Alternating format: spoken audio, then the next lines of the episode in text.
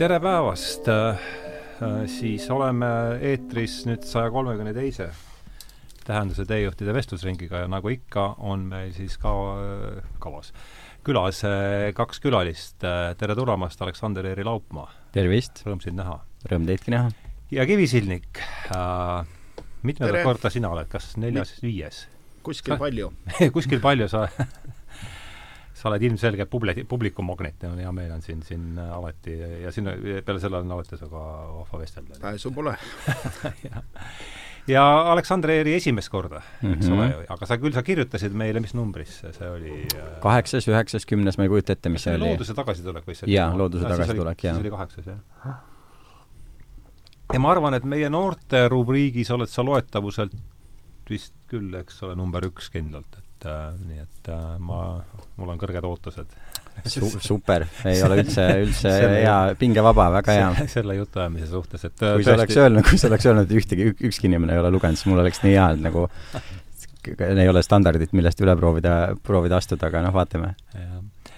et rõõm on teid tõesti mõlemaid siin tervitada, et ja saatel on ka teema. ja, ja nagu ma siin sellesse väiksesse saatepeasse, mis ma enne saade, mis ma siis enne salvestust välja panin, sai kirja umbes selline tekst, et äh, saate nimi, töö pealkiri on Paabeli torn ja ja see väike paarilauseline äh, sissejuhatus oli siis umbes selline, et see, et kui, et küllap me oleme kõik pannud tähele seda, et äh, see, mida me näeme, sõltub väga palju sellest, mis nurgast me asja vaatame ja see, mis ühest nurgast võib siin paista ajutiste administratiivsete raskustena äh, uljal galopil tehnokraatlikusse utoopiasse võib teisest nurgast äh, vaadates meenutada hoopis väga Paabeli äh, torni äh, kokkuvarisemist, et et ühesõnaga teos, mida me siis täna, kirjanduslik teos, mida me täna äh, käsitleme, tuleb esimesest Moosese raamatust ja see on siis peatükk üksteist. ma mõtlen, kas ma seda oh ei, aga see on ju ainult üheksa salmi. see on üheksa salmi, see on täiesti jah, see on küllaltki kolm näkku no see Paabeli torn, no ma loen siis teose ette ja siis hakkame vaatama, kuhu ta meid viib. Äh, Paabeli torn, äh, siis üks, peatükk üksteist, esimene Moosese raamat. kogu maailmas oli aga, aga üks keel ja ühesugused sõnad. ja sündis, et kui nad hommikupoolt teele läksid, et nad Sineari maal leidsid toru ja jäid sinna elama. Nad ütlesid üksteisele tehkem nüüd telliskive ja põletagem neid hästi. siis olid telliskivid neil ehituskivideks ja maapigi oli sideaineks. ja nad ütlesid, tulge ehitagem enestele linn ja torn, mille tipp oleks taevas ja tehkem enestele nimi, et me ei hajuks kogu üle maailma. aga issand tuli alla va-, vaatama linna ja torni, mida inimlapsed ehitasid. ja issand ütles, vaata, rahvas on üks ja neil kõigil on üks keel. ja see on alles nende tegude algus nüüd ei ole neil võimatu ükski asi, mida nad kavatsevad teha. mingem nüüd alla ja segagem seal nende keel, et nad üksteise keelt ei mõistaks. Ja issand pillutas nad sealt üle kogu maailma ja nad jätsid linna ehitamata. seepärast pandi sellele nimeks Paabel, sest seal segas issand ära kogu maailma keele ja sealt pillutas issand nad kogu maailma, nad üle kogu maailma. nii, ongi kogu teos äh, et äh, ma arvan, et see võis olla isegi juulis. aga kindlasti oli see augustis, kui ma sulle helistasin, Aleksander Eeri ja mm, juulikuus, jah. ja oli, et, et tule saatesse ja ja pakkusin sulle välja teema, mida, millest võiks rääkida, sa pak-, sina pakkusid välja Paabeli torni, et mm -hmm. miks sa seda tegid? väga hea küsimus. Äh, sellepärast, et viimased kolm aastat äh, vähemalt, võib-olla natukene kauem, on mul tugevalt tulnud meelde lapsepõlv, kui ma arvan, ma olin niisugune seitsme-kaheksa-aastane, vanemate sõbrad tulid külla ja siis me vanemate sõprade siis nende lastega koos hakkasime meie toas lastepiiblit lugema ja mul jäi sellest meelde väga vähe, peale selle, et mul oli mitu ööd sa olid seitsme-kahe, mingi seitsme? jah, väike, no lap-, väike laps, eks mm -hmm. ole, ja mul oli mitu, mitu ööd niisuguseid vastikuid unenägusid, ärkasin öösel üles, nägin, kuidas mul oli peas käis korraga see, kuidas kuna ma vaatasin Tommy Cherry multikaid sellel ajal hästi palju Mhm. vanaema juures, siis ma nägin äh, kogu aeg seda, kuidas Tommy ja Cherry nendest äh, hiireaukudest tulid mingid nende ebajumalate pead välja, keda laste piiblis oli kujutatud ja see oli mitu ööd ikkagi täielikku horrorit minu jaoks. aga ühesõnaga mulle see on hästi meeles, ma see on mul väga hästi meeles, jaa ja no vaata, ma olen nii noor ka, ega see oli paar aastat tagasi ainult ju äh,. aga äh, ja teine asi, mis mulle meelde jäi, oli see Paabeli torni ehitamine ja laste piiblis kõik, mis oli kirjas, oli see, et inimesed hakkasid ehitama torni äh, ja nad tahtsid, et see ulatuks taevasse ja mis Jumal siis tegi, Jumal ajas inimeste keeled sassi ja see, kuidas sa praegult seda lugesid ka, seal oli äh, öeldud ka, et nii-öelda, et ajas keeled segadusse või midagi sellist. ja mulle jäi see millegipärast et, äh, nagu pikka-pikka aega oli meeles ja nüüd viimased paar aastat siis vaadates seda, mismoodi meil see kultuurisõda on käima läinud ja mismoodi tuli mõnikümmend aastat tagasi uhke internet, mis pidi lõppude lõpuks lollusele lõpu tooma, kõik, kõik inimesed pääsevad ligi kõigile informatsioonile, idiootsus on lõpp, lollus on lõpp, lõpuks ometi me saame nagu kõik tarkused on meil käes, meil on Vikipeedia, meil on see, teine, kolmas, terve, terve maailm räägib inglise keelt, kõigil on see viiest, viiendast eluaastast juba ammu selge ja noh, lõpuks ometi, eks ole, jõuame sinna kohta, kus kõik on, kõik on valmis, eks ole, idiootsust ei ole enam vaja, lollust ei ole enam vaja. Ja mis siis juhtub, kõik räägivad sama keelt küll, aga samad sõnad ei tähenda meie jaoks enam samu asju, inimesed lähevad üksteisega tülli väga-väga kergete asjade üle. Ja ma, ühesõnaga ongi siis viimased kolm aastat on möödunud niimoodi, et vaatan, et tõesti, et nagu inimesed proovisid luua midagi, mis nii-öelda kõike suudaks hõlmata, kõike suudaks hoomata, kõikidel on kõik kogu aeg käes olemas ja mis siis juhtub, kuigi räägime sama keelt, siis keel on segadusse aetud, inimesed ei mõista enam üksteist. ja see on, ütleme siis see esimene võib-olla kild, mis pani mulle selle ja asi, mõtte pähe. ja asi muraneb mm. -hmm. Sven äh,, lihtsalt esimene sina ja Paabeli torn. no ma üritan aruka inimese positsiooni võtta ja nagu me teame, arukad inimesed on väga edukad ja üks Eesti edukamaid kirjanikke vähemalt kunagi oli Kivirähk. ja kui Kivirähk võttis ajakirjanduses sõna, siis ega ta ju ei tahtnud ka nagu niisugune võhik välja näha, ikka on ju vaja nagu allikatele toetuda ja ta toetus alati allikatele mm. -hmm. ja need allikad olid lasteraamatud mm. -hmm. alati kas mõni Karlsson või mõni mõni Naksitrallid, mõni lasteraamat oli see, mida ta siis kasutas allikana ja seal oli ka oma põhjus. inimesed ju tegelikult pärast lapsepõlve ei loe raamatuid, lapsena nad on nõrgad, neil on selgeks tehtud, et nad on lollid ja nad saavad ise ka aru, et nad ei tea ju, ei tea kõiki asju, no loeme siis, kui kästakse, no aga laps ju sunnitakse lugema lasteraamatuid. Mm. -hmm ja see tegelikult on veel see viimane kultuuriline sidusus, mis on. sest edasi kas ei loeta enam üldse või loeb igaüks ise asja, sest mm -hmm. see raamatute valik on ikkagi väga suur, noh, raamatuid inimesed ei loe, vist põhimõtteliselt, et mingid põhimõtted siiski on ja selle tuleb, tuleb au anda, aga, aga noh, mingisugused ühised no ma arvan, et see piibel võiks olla jah, veel üks nendest raamatutest, mida ikkagi noh, kas nüüd just loetakse, aga jõuluajal noh, kuulatakse loengu audioraamatuna siis kirikus ütleme nii. aga, aga lisaks lasteraamatutele on ju ka olemas noh, telesaated ja sellised asjad, igasugune visuaalne meelelahutus, kus pilt liigub ja et see Paabeli torni teema, mitte et seda noh, isegi Eesti kirjanduseks ei oleks, on ju Remsu kirjutanud sürrealistliku suurromaani Kurbmäng Paabelis ja mm -hmm. ja, ja Vello Latikul on üks raamat, mida ma küll lugenud ei ole, aga see oli ka midagi kas Babyloni tüdrukud oli üks tal selline ilmselt lühiromaan, vähemalt nagu mahu järgi hinnates ja ja ka Enn Kasak on, on kasutanud oma ainsas ulmeromaanis seda, seda teemat, aga, aga me ei saa nendest rääkida, sest ma arvan, et siin ei ole keegi lugenud seda Remsu raamatut ega Latiku raamatut ega isegi mitte Kasaku raamatut, mida oleks mõtet lugeda. -hmm. et siis me läheks võib-olla edasi selle Paabeli torni teemadega seda rada mööda, mis võiks olla publikule tuttav, et siis mõni film või seriaal mm. -hmm. ja, ja, ja mis, mis seriaal esimesena pähe torkab, on äh, ulmesari Babylon Five. see on siis äh,, mida mina olen ja. vähe vaadanud, sest minu meelest on ta vilets. aga, aga ta on olemas, ma vaatasin teda natukene üle, ma ikkagi valmistan ette, kui on niisugune vastutusrikas ülesastumine, siis ma ja magama jäämisel ikkagi vaatasin vähemalt ühte osa. ja see oli täiesti vanatestamentlik selline mm -hmm. öö, mm, piibliteemaline niisugune kosmose, kosmoseooper, et ei, käis küll. aga aga sama, samal teemal minu meelest palju huvitavam ja, ja võib-olla isegi kunstilisem meelelahutus on, ma arvan, et see on sakslaste toode äh,, Babylon Berliin. jah, see on ja kas sa oled näinud seda, ei ole?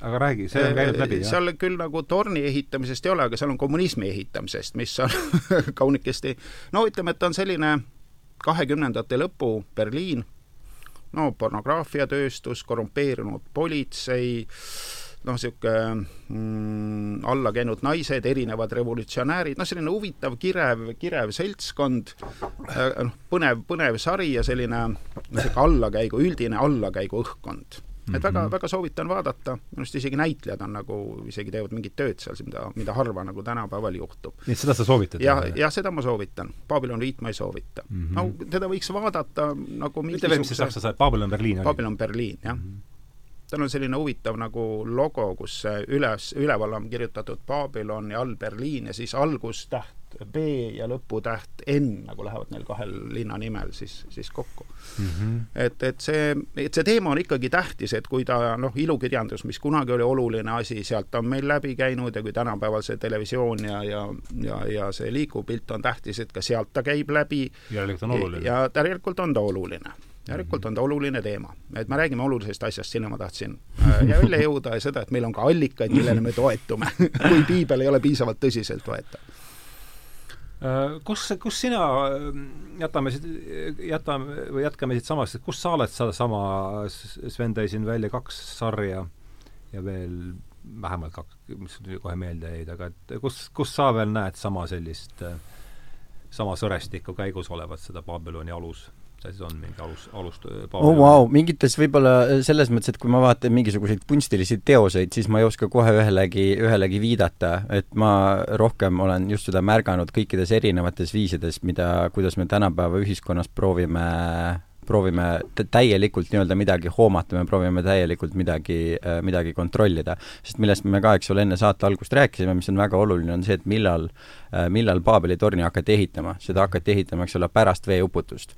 ehk siis see hetk, kus just on toimunud täielik kaos, täielik segadus, siis mis, mis tunne inimestele sisse tekib mm? -hmm. inimestele tekib sisse see tunne, et äh, pagan võtaks, enam ei tahaks, eks ole, et suur veelaine tuleb ja kõik ära viib. mis, ja mis sa saad selle jaoks teha, sa saad hakata ehitama torni ja kui sa jõuad selle torniga taevasse, siis äh, sul on, eks ole, koht, mis äh, hõlmab kõike, äh, mhm. kuhu sisse mahub kõik ja mis on täielikult kaitstud nii-öelda siis muutuse eest, eks ole, vesi, noh, vesi on, eks ole, muutus ja veeuputus, eks ole, on muutus nii suurel skaalal, et tegemist on, eks ole, apokalüpsisega põhimõtteliselt. ja, ja kuhu see siis välja viib, see viib välja selleni, et et tahetakse luua mingisugune süsteem, mis kõik ära lahendaks. mis kõik ära lahendaks, mis nii-öelda kõrvaldab maailmast siis selle ühe asja, mis, äh, mis kõikide probleemide alus on, mis on see, et tuleb vesi ja viib su, äh, viib su minema. Mhm. ja aga millega, mis sellega kaasneb, sellega kaasneb see, et ju kui sa soovid midagi teha, kuhu kõik sisse mahuks, siis tekib see küsimus, et mis siis sellest nii-öelda nagu, mis siis sellest välja jääb ja äh, noh, see näiteks selline näide äh, millestki, mis võib-olla teie saite, saite ka paar kuud tagasi emaili äh, politseilt, kes kirjutas, et kahesaja neljakümne kolme tuhande inimese need äh, isikuandmed on varastatud äh, ja pildid ja kõik muud asjad ka, aga et ärge muretsege, et keegi ei saa neid kuidagi ära kasutada, aga et lihtsalt juhtus mingisugune noh, turvarike, need, need rööviti ära kus see seos minu jaoks on, on see oli küll niisugune asi, jah. nii äh,, mina, mina ka sain selle meili. et kus see minu jaoks see seos on, on seal, et äh, ainukene koht, kus saab juhtuda selline asi, et keegi varastab ära ühe võtme ja saab iga inimese tuppa sisse mm, -hmm. on Paabeli torn mm. -hmm. ainukene koht, kus saab juhtuda selline asi, et on üks haigus ja kõik saavad selle, on Paabeli torn, sellepärast mm, -hmm. eks ole, et see on, see on kinnine süsteem ehk mhm. siis äh, meil on mhm. Tugev, tugev äh, see, mis on seal taga, see soov, mis on väga nii-öelda heatahtlik soov, on see, et ehitame midagi, kust kaost, kaos meid enam kätte ei saa, ehitame -hmm. midagi, kus Just. meil on ohutu, ehitame mingisuguse koha, kust lõpuks ometi on kõik hästi mm. -hmm aga siis tekib see metsik kontrollivajadus.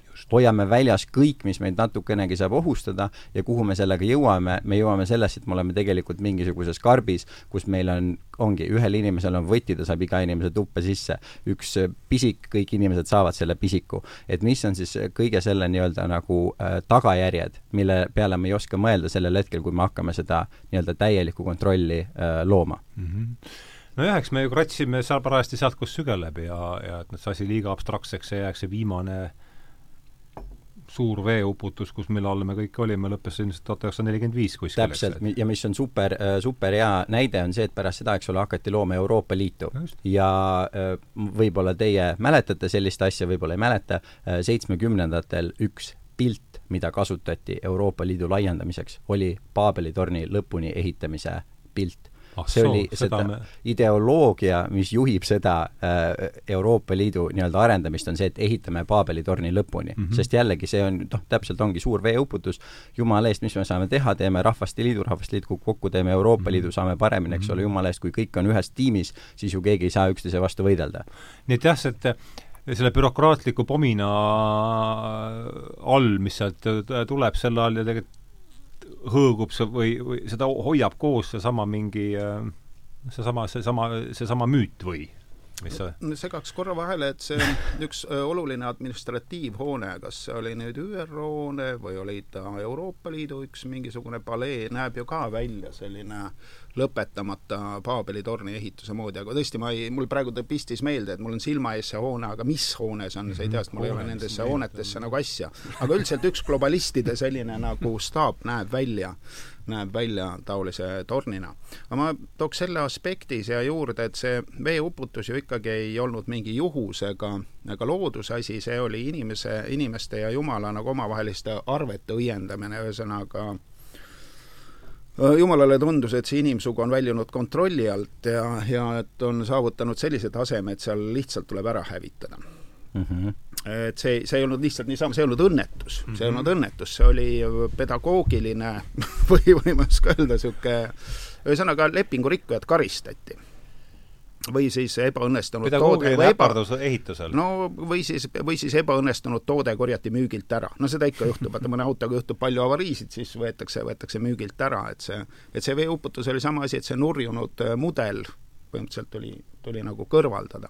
ei õnnestunud, noh, nurjunud mudelist noh, mingisugune, mingi osa jäi alles ja mis ta hakkas siis tegema, ta hakkas ehitama nagu ütleme siis nagu seda ligipääsu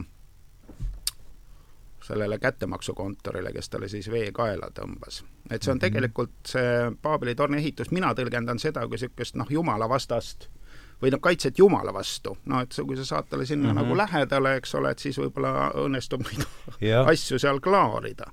et mm -hmm. see on üks võimalus ja see on, see on mõistlik nojah, kui ülemine, ülemine korrus on juba seal jah, et sa, see ülemine korrus keerab sulle käru pidevalt, et siis võib-olla peaks minema ülemusega nagu silm silma vastu kuidagi nagu seal sättima mm. -hmm. Lähme ise, võtame ise ülemise korruse üle see, ja siis see ongi tundub, tundub nii olevat ja selles mõttes, selles mõttes mina, mina pean kogu seda globalismi satanistlikuks projektiks, sest Jumal on loonud rahvuskultuurid selleks, et see inimkond ei sigatseks -hmm. et ta ei võtaks ette jumalavastaseid tegusid mm, -hmm. vaid tegeleks oma rahvuslikul tasandil ilma, noh, niisugust teeks normaalseid asju ja ei teeks no midagi väga-väga suurt ja väga hirmsat mm. -hmm. ma arvan, et seal on oma loogika, kunagi eelmise okupatsiooni ajal oli üks oluline intellektuaalne väitlus, sellised asjad olid vanasti olemas, kus Kaplinski ja Naan omavahel mingil, mingil, mingil, ma ei tea, kust see, kust see vestlus algas ja kuhu ta lõppes, aga mäletan seda, et ma tudengina lugesin kuskilt kogumikust noh, neid neid artikleid, noh sellest sarjast, kus Kaplinski siis äh, tõi nagu näite sellest, et noh, kui on no niisugune suur ruut, eks ole, üks suur ruut, ja seal on midagi valesti, et siis on kõik läbi. noh, ta on rist peale tõmmatud, kui ta on nagu malelauasugune jagatud väiksemateks ruutudeks, siis noh, mõned on noh, läbi tõmmatud, teised jäävad alles ja noh, neid saab taastada, neid siis, mis mis nagu katki lähevad või ära kukuvad et tema noh, sama asi see, et kui on üks süsteem ja see läheb katki, no siis ongi nagu kõik, et seal noh, ütleme, kuidas need aktsiad on nüüd ühes korvis munad või noh, see on mm -hmm. ka nagu, ei ole kõige mõistlikum investeerimisviis ilmselt mm. -hmm kui siseinfot just ei ole jah, seda ju räägitakse siingi, ma arvan, et igal pool, kus rahandusest on jutt, õpetatakse. et selles mõttes ma ikkagi rahvus, rahvuskultuuride, rahvusriikide kaitseks ütleksin seda, et see on jumala tahtmine. ja, ja rahvusriikide vastane võitlus on kõige ehtsam satanism sõna otseses mõttes mm. -hmm. et selles mõttes jah, kui mõelda seda, et mis, mida selline lugu võib, äh, võib õpetada, kui proovida minna nagu nii lapsikuks ja nii lihtsaks kui võimalik, siis see on see, et asi ei ole selles, et kas on nüüd moraalselt õige või vale proovida teha mingit niisugust süsteemi, mis suudab kõike hallata ja kõike kontrolli all hoida.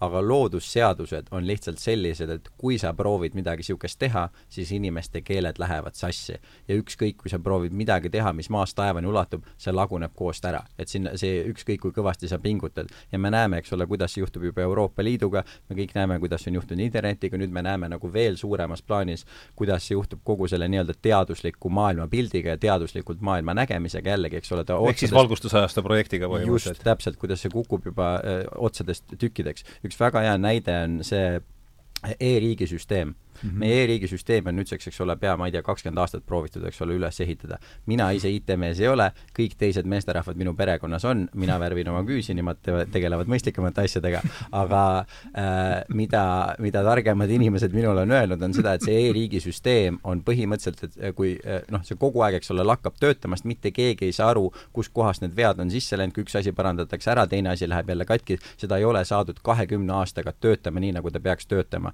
ja äh, minu minu isa ütles, et see on nagu, et kui sa noh, lähed sinna nii-öelda nagu sisse, et see on nagu spagettidest tehtud, eks ole. et sa ühest kohast sikutad midagi, sa ei saa aru, kus mujal midagi liigub, aga et see on lihtsalt nagu mittetöötav asi. Teil on endal siin saates käinud ka varem üks äh, noormees, kelle nimi mul praegult meelde ei tule, kellega te rääkisite täiesti teisest teemast, kes ise on üks nendest arhitektidest. ja temaga ma rääkisin ka, tema ütles ka, et, et inimesena, kes kes on selle kallal nagu töötanud, et see on lihtsalt asi, mis nagu, mis ei tööta ja mitte keegi ei saa aru ka, no miks ei tööta, eks ole, püütakse, püütakse, pingutatakse, pingutatakse, võetakse ja lihtsalt nagu laguneb koost ära. et, et siis äh, ühesõnaga jah, võtan, võtan selle kokku sellesama äh,, sama asjaga, millest äh,, millest ma alustasin, et et võib-olla mida, mitte et ma oleksin kedagi ütlema, mida siin targem oleks teha, aga et mida rutem me saame aru sellest, et mingisugused projektid on juba loodud kokku kukkuma, eks ole, et kui sa proovid midagi liiga suurt teha, see kukub kokku, see ei õnnestu. ja mida rutem me sellest aru saame, seda rutem saab millegi mõistlikuma hakata tegelema mm. -hmm jah, aga ma ei tea, palju, mina ei jõudnud, ma tunnistan ausalt, et ma ei jõu-, mina ei jõudnud ette valmistada väga palju selleks, mul nii palju jõudsin ette valmistada, et ma teid stuudiosse sain, et et kas, kas jõudis keegi vaadata üldse, millal see millal see, millal see lugu meil üldse mis ta, mis ta üldse kirjutada, kuidas selle, kuidas see lugu meil piiblis sai ja mis Äh, seal on ähm, kas sa, juudid, juutide vangipõlv, eks ole. seal tõesti oli ju need sikuraadid olid just, olemas. just, just. ja, ja see on neid umbes kuskil neli tuhat aastat tagasi, nad olid olemas, eks neid seal lammutati ja ehitati, ilmselt siis võib, arvatakse, et juudid võisid seal ka ehitada, noh mm, -hmm. ju nad siis töö- ja puhkelaagrites seal olid, kus need vangid siis, kus neid vange seal hoitakse kui piiblis nagu seda märksõna ka Paabel otsida, minu arust see on ligi kolmsada korda esineb see sõna ja väga sageli kontekstis, et äh, no Paabeli kuningas Nebukadnetsar tuli, võttis selle kuninga kinni, pani ta vaskahelatesse, lõi tema silma all tema lapsed maha ja, ja vedas tema naised ja, ja mingid teenrid sinna kuskile vangi. kõlab nagu hea pidu. ja see kordub seal kuningate raamatus ja ajaraamatuses ja ma, ja ma ei tea, kus noh, nagu ma, mina ei jõudnud kõiki neid viiteid nagu, nagu jälgida. aga üks asi, mis on ju no see niisugune väljend nagu Paabeli hoor on ju ja. ka küllaltki tuntud ja see Ber-, Berliin Babylon ju näitab sellist, eh, ka seda, seda, et selle noh, kuidas öelda, selle üleilmastumise või jumalavastase tegevusega ikkagi käib kaasas ka moraalne niisugune kõlvatus ja, ja seksuaalne laostumine Mm -hmm. et seda, seda seda meie ühiskonnas küll ei ole otse vastupidi, meil on see seatud nagu kõrgemaks eesmärgiks, mille poole püüelda. et ma ei tea, kas äh, ma vaban-... mis, mis, mis, ma lihtsalt ühe lause juurde, et see, mis ütleme, sellises jumalale orienteeritud süsteemis on patt, on saatanale orienteeritud süsteemis eesmärk kas te, ma ei tea, kas te sattusite nägema, mõned inimesed levitasid seda äh, suvel nüüd oli reklaam, siis propagandareklaam äh, siis Briti valitsuse poolt, mis oli suunatud noortele inimestele, et nad ennast vaktsineerima läheksid. Äh, see väga-väga lõbus vaadata, kui kaks aastat tagasi keegi mingi niisuguse sketši oleks teinud, siis mitte keegi ei oleks uskunud mitte midagi niisugust, kõik oleks olnud, see on liiga absurdne.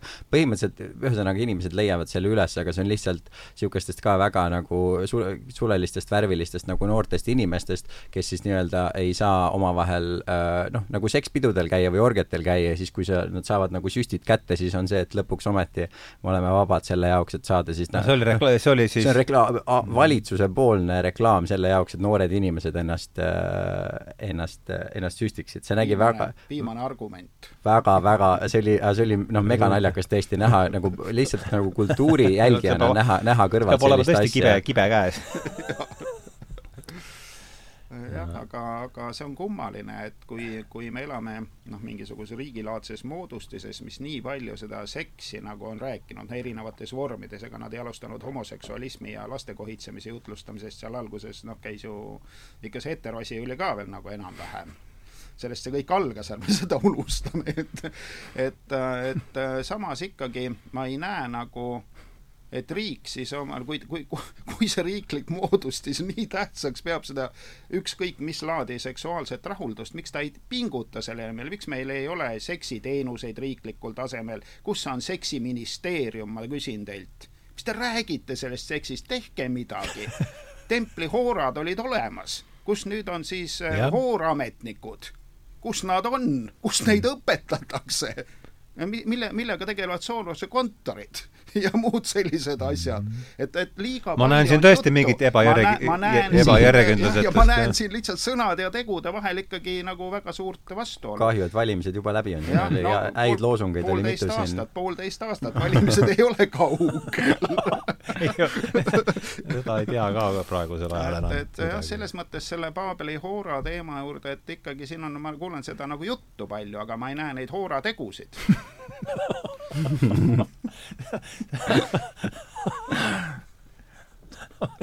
nii, kuidas sinul vaata, kuidas sulle tundub see? hooramine.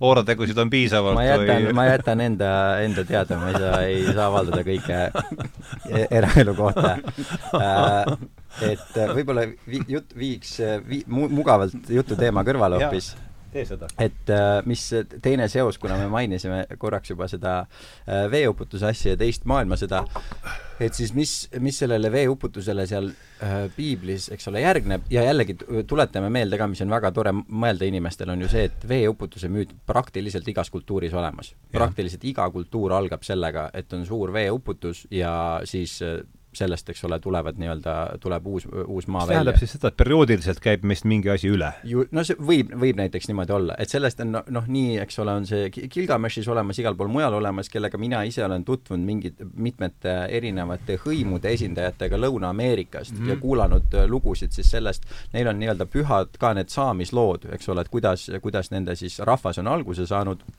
ja need põhimõtteliselt, Graham Hancock ka oma raamatutes on toonud neist hästi palju sa oled Hancocki lugenud? ma olen Hancocki ühte raamatut lugenud nagu otsast lõpuni, igast teisi asju nagu nii-öelda nipet-näpet mm. -hmm. aga äh,, aga põhimõtteliselt ja nüüd lood, mida mina ise kuulnud olen, mis on nende siis pühad lood, mida nad võivad ainult nii-öelda tseremoniaalses korras rääkida, siis ka kõik räägivad sellest, kuidas kas on mingisugune suur krokodill või on mingisugune suur madu, kes virutab oma sabaga või lendab, lendab taevast, see viskab kõik rahvad, kes ennem on elanud ühes kohas koos, viskab nad kõik laiali laiali, suur veeuputus ja siis nii-öelda tulevad uued rahvad välja, et see noh, lihtsalt ütlen seda äh, nii-öelda kõrval, kõrval pidepunktiks, et see jutt ei ole ainult piiblis nii, vaid see, vaid see on igal rahval niimoodi. aga siis jõudes selle piibli ja Paabeli torni juurde tagasi, neil on suur veeuputus, jällegi mitte kogemata, vaid äh, nagu sa ütlesid, et see on ikkagi jumala karistus, te ei ole lepingust kinni pidanud, nätaki äh,. Noa on hea tubli poiss, eks ole, ja äh, pääseb koos loomade ja see inimestega. veel kord, see on vahetult enne Paabelit, on Noa, Noa, Noa lugu lõpeb. paarsada aastat, sellepärast et kes ehitab Paabeli torni, on Noa pojapoeg mm. -hmm. või poja, poja, pojapoeg, vist on, vist on, on kas kaks, kas kaks või kolm sammu igatahes, see on enne, enne Paabeli torni algust Aha, on okay., on täpselt see, äh, kus, kes selle teeb. neli on Kain ja Aabel, viis on juba uputus vist või? ei, Aadama järeltulijad, kuus on aga ühesõnaga, aga ühesõnaga, mis siis tekib, eks ole, tekib hirm äh, ilmselgelt mitte mingisuguse muu asja ees, vaid meil tekib hirm selle ees, mida me just oleme kogenud, eks ole. mis on väga huvitav ka viis, kuidas inimesed töötavad, eks ole. kui sind ükskord tänaval keegi tuleb, annab sulle peksa, varastab sult asjad ära, siis järgmine päev sa ei karda seda, et äkki kukub kivi katuselt pähe, sa kardad sedasama asja, mis sinuga juba juhtunud on -hmm. eks ole. ja vee, veeuputule, uputusele siis järgneb see, et jumala eest teeme kõike selle jaoks, et veeuputus uuesti ei saaks tulla. just, just, just, eks ole, mitte ühegi muu asja peale ei mõelda. ja meil pärast teist maailmasõda täpselt samamoodi, mille peale mõtled, jumala eest teeme kõik selle jaoks, eks ole, et uut äh, natsionalismi puhangut ei tuleks. just, täpselt, eks ole, aga mis, mis on siis selle äh,, selle tagajärjed, on noh, kõik, kõik muud asjad, mis võivad juhtuda, mille, millele me ei keskendu sellel hetkel, kui me kogu seda, kogu seda asja loome. nüüd äh, meil tänapäeval toimub ka midagi väga-väga äh, huvitavat, mis on see, et äh, räägitakse juba nüüd pikemat, pikemat, pikemat aega äh, sellest, et äh, meil on äh, kliimaga, on hästi suured mured, eks ole, veetasemed on tõusmas mm, -hmm. pool rahvastikust võib välja surra mm, -hmm. loomad surevad välja, linnud surevad välja ja on midagi nähtamatut äh,, midagi nähtamatut, mis koguneb taevasse mm, -hmm. mida me keegi ei näe, aga mis kõik loetakse kokku ja kui seda nähtamatut sinna taevasse, kui meie patte taevasse piisavalt palju koguneb, siis mis sellele järgneb? uputus. sellele järgneb veeuputus. ehk siis no see on väga selge ehk siis ku, kuigi just, eks ole, et kuigi me elame täiesti, eks ole, teaduslikus ilmaruumis, kogu selle nagu äh, ebausu ja usu oleme maha jätnud, me oleme ratsionaalsed, me oleme mõistlikud, siis ometigi mitukümmend aastat juba kõige ateistlikumad, kõige sekulaarsemad, kõige rohkem teadususku inimesed räägivad sellest, et kui me ei tee õigesti, siis nähtamatud asjad, meie CO2 ja kõik loetakse taevas kokku mm -hmm. ja tuleb, selle eest tuleb karistus ja selle eest, selle eest tuleb veeuputus. ja need inimesed vaatavad sulle näkku ja ütlevad, et kui sa seda, et kui sa sedasama juttu ei usu, siis sa järelikult ei usu teadust ja siis sa järel-, noh, ühesõnaga, et on äh, seesama veeuputuse müüt on võetud ja on lihtsalt, kuna see tung meie sees on nii tugev, kuna arvatavasti ongi meil evolutsiooniliselt see asi meil nii-öelda nii palju läbi käinud mm. -hmm. inimestel on seesama hirm sees, aga kuna jumala eest usku, usku tuleb ju nii palju tümitada kui võimalik, siis proovitakse täpselt sellele samale nii-öelda müüdile ehitada lihtsalt võimalik nii-öelda teaduslik raamistik ümber, selle jaoks, et oma hirmu mingit moodi ära põhjendada ja ära õigustada mm. -hmm. jah äh jah, väärusku tuleb tümitada, aga see, et, et ise millessegi usutakse, ise arvatakse, et nad eh, usuvad ennast teadvat asju. just, aga see pole usk, eks ole, see on, eks ole, need on faktid, need on ja, faktid. jah, mul tuleb meelde, keegi rääkis kunagi kusjuures need faktid kogu aeg muutuvad, kui mina käisin koolis, siis eh, pidi tulema kliima jahenemine oh,. siis hirmutati sellega no et äh, mis seal kõik olid, vahepeal olid osooniaugud ja mingisugune nagu jääaja moodi asi oli tulemas. keegi kunagi kirjutas nüüd selle lahti ja tuli meelde, et tõesti, kliima jahenemisest räägiti, mina mäletan seda see oli mhm. teaduslik jutt, ega see ei olnud mingisugune luule ega, ega, ei no tuletage meelde, et marksism-leninism oli ju teadus. teadus, no seal oli teaduslik seda... ateism, poliitökonoomia, partei ajalugu, kõik, kõik, kõik, dialektiline mingi asi ja, ja see on, ja see on tänapäeval, eks ole, väga huvitav, kuidas viimase paari aastaga on, on juhtunud väga ruttu see, et äh, kuidas öeldakse seda, et, et kas sa ei usu teadust. et, et ja. kui sa ei usu seda, siis sa järelikult ei usu teadust. ja mis oli loomulikult väga märgiline punkt, oli see, kui see Ameerika nende, see haiguste boss Fauci, kui tema televisioonis ütles, et kui sa, rääkis, ta, ta veel rääkis iseendast kolmandas isikus, ta ütles, et kui sa äh, küsitled Fauci't, siis sa küsitled teadust ja nüüd hästi oluline asi, mida inimestel, eks ole, meeles pidada, on see, et teaduse küsitlemine on üks teaduse definitsioone.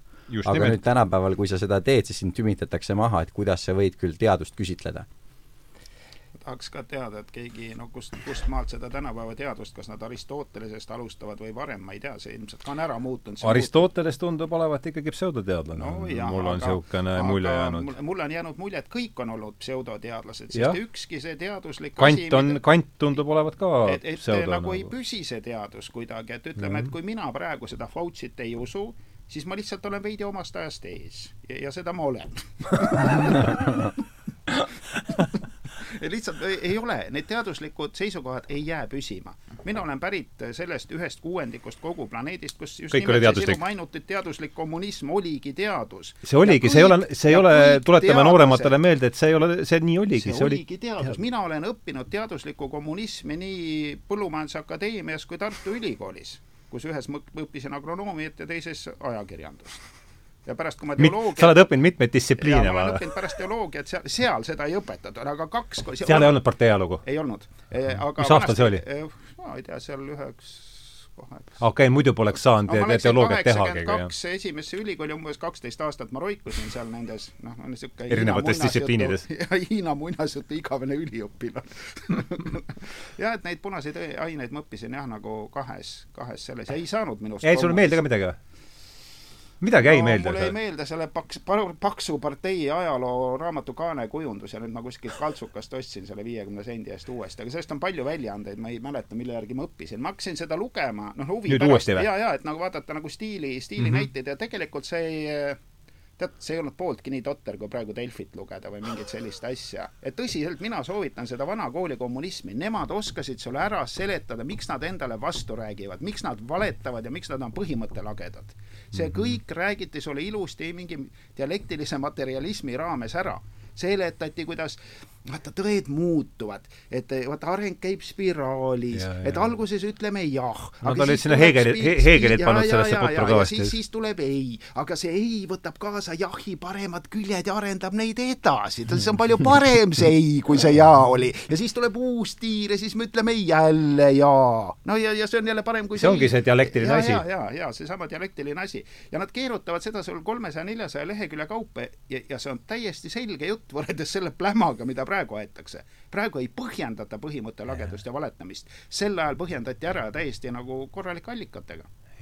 oli, oli no ilmselt nad panid sinna rohkem, nad panid sinna, no olud, olud olid teised, olid ainult inimesed olid intelligentsemad, isegi kommunistid olid intelligentsemad. ja, ja olid loetud vastu. kanalid, mida sai kontrollida selles mõttes, et oli vaja hoida, eks ole, Kesktelevisioon oma kontrolli all, Pravda ja mis nad seal olid ja, ja sinna ikkagi nii palju oli raha, et sinna oli pädevaid äh, inimesi. ma pöörasin ühe oma internetisõbra, kellest on nüüd päris sõber saanud dialektilise materialismi uskust, me käisime ühe kolmanda sõbra juures, kellel oli vanu raamatuid terve hunnik, sortisime sealt siis siis endale välja, siis ma soovitasin talle ühte dialektilise noh, asja õpikut, no ülikooli õpik enam-vähem sihuke korralik.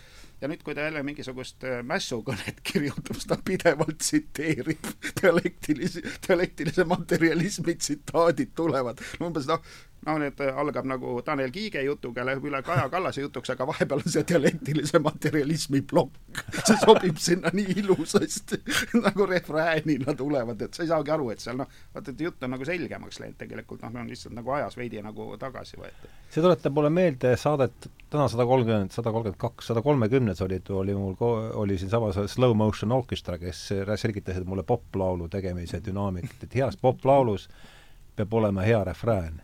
Ja kuidas me hea refräänini jõuame, tuleb teha paar halba salmi, noh. Umbes, umbes nii see käib, aga, aga kui tulla tagasi selle nagu globalismi ja selle Paabeli ehitamise torni juurde, et võib ühelt poolt küll jääda mulje, et praegu see torni ehitamine nagu kukub kokku. Mm -hmm. aga samas ikkagi vaadata seda, et võib-olla ta ikkagi noh, üritavad nagu uuele tasemele jõuda, et kui me ikkagi siin juba räägitakse, noh, vanasti olin mina hirmus vandenõuteoreetik ja loll, kui ma rääkisin mingist kliima muutmisest, noh, sellist asja ei olnud olemas nüüd Bill Gates kustutab ise päikest ametlikult, mitte minu, see ei ole minu luul, et ta kustutab päikest või varjab seda päikest. mismoodi see käib? selle, see oli Youtube live oli, kuidas ta vee selle pritsiga on seal kõrval. ei, ei, no ta, ta sai inspiratsiooni vulkaanidest, no vaata see kliima soojenemise luul, eks ole, mida mm -hmm. siis teha, et vaata, kui vulkaan pu-, purskab seda tuhka üles, et siis on tekkinud nende suurte vulkaanipursete järel need külmad perioodid. noh, kliima läheb külmemaks, et mina, Bill Gates, nüüd purskan siis noh, ilma vulkaanita kuidagi lennukitega või niimoodi. aga see on see taeva ümber üle, ülevärvimise lugu või no,? Neid on, põhimõtteliselt neid jah. on mitmeid neid projekte, aga noh, Bill Gates no seal on selline... Äh, taeva ülevärvimine, suur tolmuime ja midagi oli veel. ühesõnaga aa, vette tuli midagi, merre tuli midagi. aga see on väga hea, kuna sa juba mainisid, kuna sa juba mainisid seda, siis ka äh, nagu, äh, sest tihtipeale inimestele meeldib, eriti inimestele, kellele meeldib vandenõude peale mõelda, vahelt pole kummalt, kummalt poolt et meeldib mõelda siis sellisel viisil, et on mingisugused kurjad halvad inimesed, kes eh, soovivad, ma ei tea, meie elu energiat imeda, kes tahavad planeedi põrguks muuta ja nii mhm. edasi, nii edasi, nii edasi. ja kui me need aga, kätte saaksime ja ära kõrvaldaksime, siis, siis oleks, lõpuks oleks, oleks torm valmis. aga tegelikult, kui me vaatame neid inimesi, kellel päriselt on nii palju võimu, et maailmas midagi teha ja kes seda tahavad teha, nagu näiteks Bill Gates, eks ole, kes ongi öelnud, et üks nagu noh, lahendus, mida nad praegult nii-öelda kaaluvad, mida nad tahavad, nad tahtsid seda Rootsis hakata juba minu arust nagu väga-väga lähiajal nii-öelda nagu testima reaalselt, aga see on siis see, et pilduda mingisuguseid molekule atmosfääri, mis siis peegeldavad päikesevalgust, eks ole. taeva värvimine põhimõtteliselt. just, just, just, just, eks ole, põhimõtteliselt. aga siis mõista seda, et kõik inimesed, kes niisuguste asjadega reaalselt tegelevad, on inimesed, kes reaalselt tahavad nagu head, nad reaalselt mõtlevad, et see on kõige suurem probleem praegult, praegult meil on siin liiga palav, kustutame, eks ole, selle päikese ära, tee, jahutame päikese maha, täpselt samamoodi nagu kõikide teise, teiste nagu globalistlike asjadega on see, et seal taga on noh, ma, mina siiralt vähemalt usun, seesama hirm, et jumala eest, et ei juhtuks see asi, mida me kardame, et juhtub, nii et teeme kõike selle jaoks, et kõike kontrollida, et kõik oleks ohutu, kõik oleks turvaline ja nii edasi, nii edasi, nii edasi. ja, ja, ja sealt tulebki see, et kui sa täpselt seesama asi, mis ma alguses ka rääkisin, et kui sa liiga nii-öelda ekstreemsusesse sellise asjaga lähed, siis kuhu sa sellega välja jõuad, on see, et sa juba proovid nii-öelda ennetada halbu asju, mitte kõrva, isegi kõrvaldada halbu asju ja halbade asjade ennetamine viib selleni, et sa tihtipeale teed hästi palju rohkem halba selle ennetamisega ja on siis noh, eks ole, mitte ettenähtavad nii-öelda tagajärjed sinu äh,, sinu tegudel. ja kui mm -hmm. siduda see ära kuidagi tänapäevaga, siis loomulikult see asi, mis nüüd juba enam, enamustele inimestele nagu selgeks saab, on see, et kui sa metsikult, metsikult kardad seda, et tuleb mingisugune viirus, mis kõik inimesed ära tapab ja sa oled siiamaani suutnud kõikidest viirustest lahti saada, aga sa tead, et teoreetiliselt võib kunagi tulevikus ka viirus tekkida, siis on maailmas, eks ole, umbes neli kohta, kus äh, kõiki neid tapvaid viiruseid elusana hoitakse ja umbes neli kohta, kus võib ka nii-öelda äh, testida viiruste edasiarendamist siis sellel eesmärgil, et kui mingi viirusega peaks looduses midagi juhtuma ja kui ta peaks meile kallale tulema,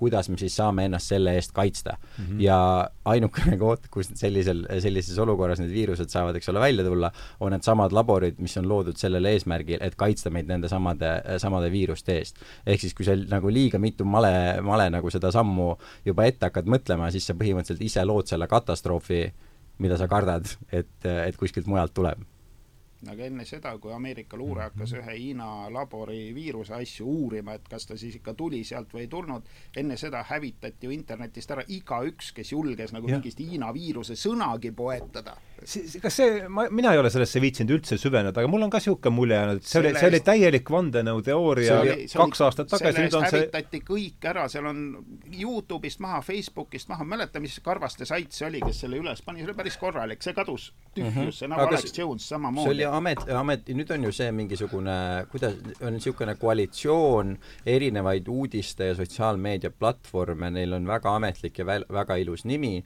ja nemad siis on võtnud, teinud teinud selle kokkuleppe, et mingisugustel teemadel nemad kõik võtavad täpselt sama nii-öelda nagu jutujoru ja selle mm -hmm. eesmärk, jällegi väga üllas, väga hea eesmärk, on see, et kõrvaldada siis lihtsalt ohtlik nii-öelda disinformatsioon, misinformatsioon, deinformatsioon ja kõik teised halvad informatsiooniliigid, mis ka levivad, eks ole. nii, ja siis nende ametlik, ametlik seisukoht oli äh, siis eelmise aasta äh, kevadel see, et kõik, mis läheb vastu Maailma Terviseorganisatsiooni ametlikule arvamusele, on äh, misinformatsioon ja Facebook siis oli see, kes ütles, et nemad kõik need asjad automaatselt kõrvaldavad mm. -hmm. ja kuna siis see teooria, et see viirus võis tulla sellest kohast, kus on üks maailma neljast kohast, kus äh, selliseid viiruseid uuritakse ja kust kohast see viirus pihta hakkas, äh, oli siis ametlikult see, et kui keegi sellise asja välja toob, selle me kõrvaldame kohe, sellepärast et me teame, et see tuli nendelt turgudelt, kus kaubeldakse, eks ole, värskelt tapetud loomadega ja kus on see oli siis WHO esimene ametlik versioon, jah? just mm, -hmm. just. et see ja oli kõik roogiti välja, mis see oli ka Hiina kompartei ametlik versioon. ahah,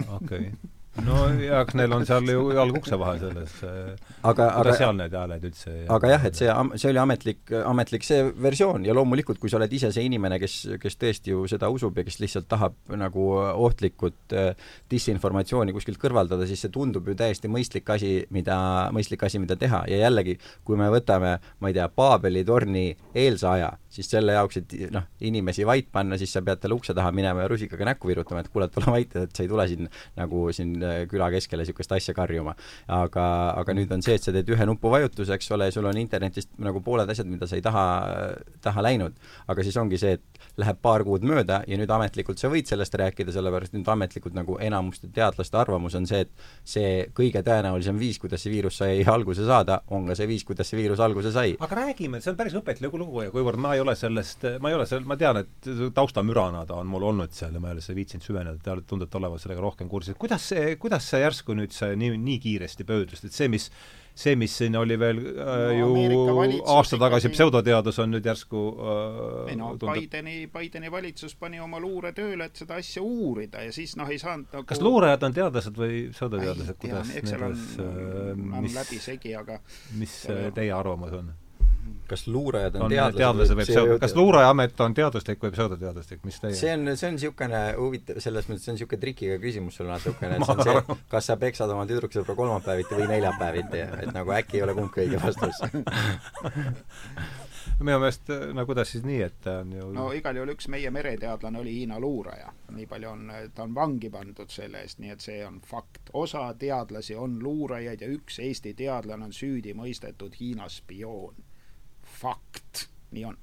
kus see mingi mereteadlane, ei tea, mina ma nägin ka mingisugust seda asja, et midagi tavaliselt niisugust on oli küll. spioonid olnud ikka kapo töötajad, nüüd oli mereteadlane. oota, aga see, kus ta istub kinni kuskil siis või? aga kus siis? kust mina tean, kus ta kinni istub, mingis euromugavustega mingis kongis, ma oletan. Ma- ega barakke meil enam uudiseid ei ole, ega laagreid. ma hoian Delfist ja sealt mujalt kõrvale, et ma see on väärtuslik info on mõned, läinud mõned sellised asjad imbuvad ikka minuni ka, kuigi ma Delfit Jaa. ei loe. Aga, aga tuleks tagasi selle jumalavastase tegevuse juurde, et noh, torni ehitamine, noh, ilmselge niisugune jumalavastane tegevus, kliima pilastamine on ilmselge jumalavastane tegevus, sa oled ise see, kes loob selle õige no ilma, eks ole, nii nagu ta peab olema, hea uue ilma, sõna otseses mõttes mm -hmm. hea uue ilma, mitte mingi maailmakorra mõttes. ja, ja mis meil siis praegu ilmselt ikka käimas on ju täiesti ametlikult, on ju geeni väänamine mm -hmm. Et see mingisugune geeni muutev asi, mille kohta väidetakse, et ta on vaktsiin, aga mis ta on, seda me ei tea, sest vähe, vähemasti nagu on näha statistika järgi selle nagu haiguse vastu ta justkui ei aita, et vähemalt vaktsiini omadusi tal just nagu ei ole, aga mingeid muid kummalisi omadusi, siis geene väänata tal nagu peaks nagu olema. et, et ma arvan, et noh, geenid on ikkagi ju, kui sa oled jumala looming, no siis, siis need geenid on ikkagi ju selle kaubamärgi all, et noh, et seda on vaja ka nagu ära väänata, et noh, vaata kui iga inimese sees sa saad geenid ära väänata, siis sa ma ei tea, võib-olla veel ära patenteerida pärast, eks ole, et siis et mina näen selles ka ikkagi täiesti uut levelit, noh, ärme kõik, võib-olla veel mõned nüansid niisugust vandenõulaste ja lamemaalaste nagu retoorikast sinna juurde, aga, aga puhtselgelt, kui, kui sa näed, et kliimat muudetakse, kui sa näed, et inimese seksuaalsust muudetakse, kui sa näed, et geene muudetakse, et see on kõige loomuliku ja sellise tavalise ja jumala loomingu nagu pilastamine, mis toimub. et selles mõttes mina näen, et ikkagi see torni ehitamine ei ole kokku kukkunud, ta võib kokku kukkuda, see, keegi ei ole ju neid geene proovinud väänata ja me ei tea, mis sellest välja tuleb, kas kõik surevad kohe ära, kas kõik muutuvad mingiteks biorobotiteks, osa surevad ära ja osa muutuvad biorobotiteks, me ei tea, mis juhtub. või ei juhtu üldse midagi, läheb lihtsalt nahka nagu seda, seda me ei saa ka mingi. Araali mere kuivatamine või, või mingisugune muu, noh, nagu Nõukogude Liidul oli ju küllalt palju neid igasuguseid jõgede pööramise projekte ja Assuani paisu ehitamise ja muid selliseid jumalavastaseid tegusid, mida nad tegid, ega nad ainult kirikuid ei põletanud.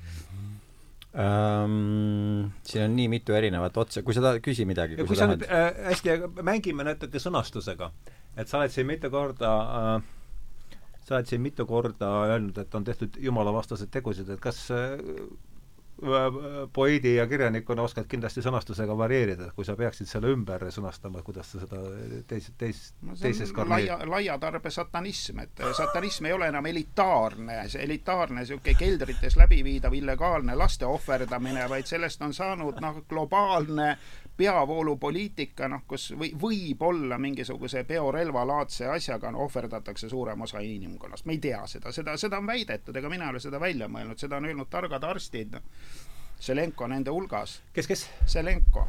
no see on see, kes Trumpi ravis ja, ja kes töötas välja selle oma noh, selle äh, Covidi ravi mingi protokolli ja hästi levinud on tema selline video, kus ta mingi juudi, juudi riigi rabidele, mingi, noh, see on nende ülemkohus vist, no võin eksida, mis institutsioon see seal juudi riigis on, see on kaabud peas, oimulokid no lehvimas ja tema siis esineb. Ja esinemise üks äh, esimesi asju, no ta rääkis, keda ta on seal ravinud, Trumpi ja Brasiilia presidenti ja Iisraeli terviseministrit ja umbes nii, no ühesõnaga muljetavaldav list igasuguseid Ütle nimi veel. Vladimir Zelenko Vladimir aga see ei ole tibla, see on juut, et äh, antisemiitidele, et ühesõnaga, et mitte inimesed ei, ei hakkaks antisemiitlikke tegusid tegema ja Zelenkot tiblaks ja putinistiks sõimama, et siis, et tegemist on ikkagi, ma saan aru, Ameerika juudiga mm. -hmm. Vladimir Zelenko, jah? jah, et selline edukas arst. sa teadsid seda või? jaa, ma olen kuulanud seda sõnavõttu, see on aga lihtsalt ma tahtsin seda ühte tema tsitaati nagu rõhutada, kus ta siis seal rabidel esineb ja laste, laste vaktsineerimine on jutuks. ja ta ütleb mm, -hmm. et laste vaktsineerimiseks on ainult üks põhjus, see, kui te usute laste ohverdamisse mm. -hmm. ühemõtteline, selge, see ei ole minu öeldud mm. -hmm. vaata aga ühesõnaga, seda nime maksab guugeldada ja neid videosi võtta see pool tundi või tund ja see ära kuulata, et see on äh, kaunikesti nagu valgustav mm. -hmm. et see ei ole mingi Tanel Kiige jutt nüüd kas ma võin siia ka ja, teise seose, kuna ja, me juba piiblist hakkasime pihta, siis toon piiblist äh, teine koht, millest mina mäletan jälle tänu sellele, et ma lapsena palju Briti heavy metalit kuulasin mm, -hmm. mis on see, kuidas sa ütlesid, et eesti keeles selle niimoodi looma, loomamärk või äh, metsalise märk. metsa, metsalise märk mm, -hmm. eks ole, ja seal, äh, seal kirjutab, kirjutab selle kohta jällegi üks, üks lühikene lause on, et et kõik inimesed peavad endale saama selle metsalise märgi ja need, kes metsalise märgist keelduvad, mis pannakse neile kas siis käele või otsa ette, et nende, nendelt inimestelt äh, nad siis äh, nii-öelda hoitakse eemal kõikidest igapäevastest tegevustest, mis on siis, ei saa osta ega müüa ega, ega mitte midagi muud teha.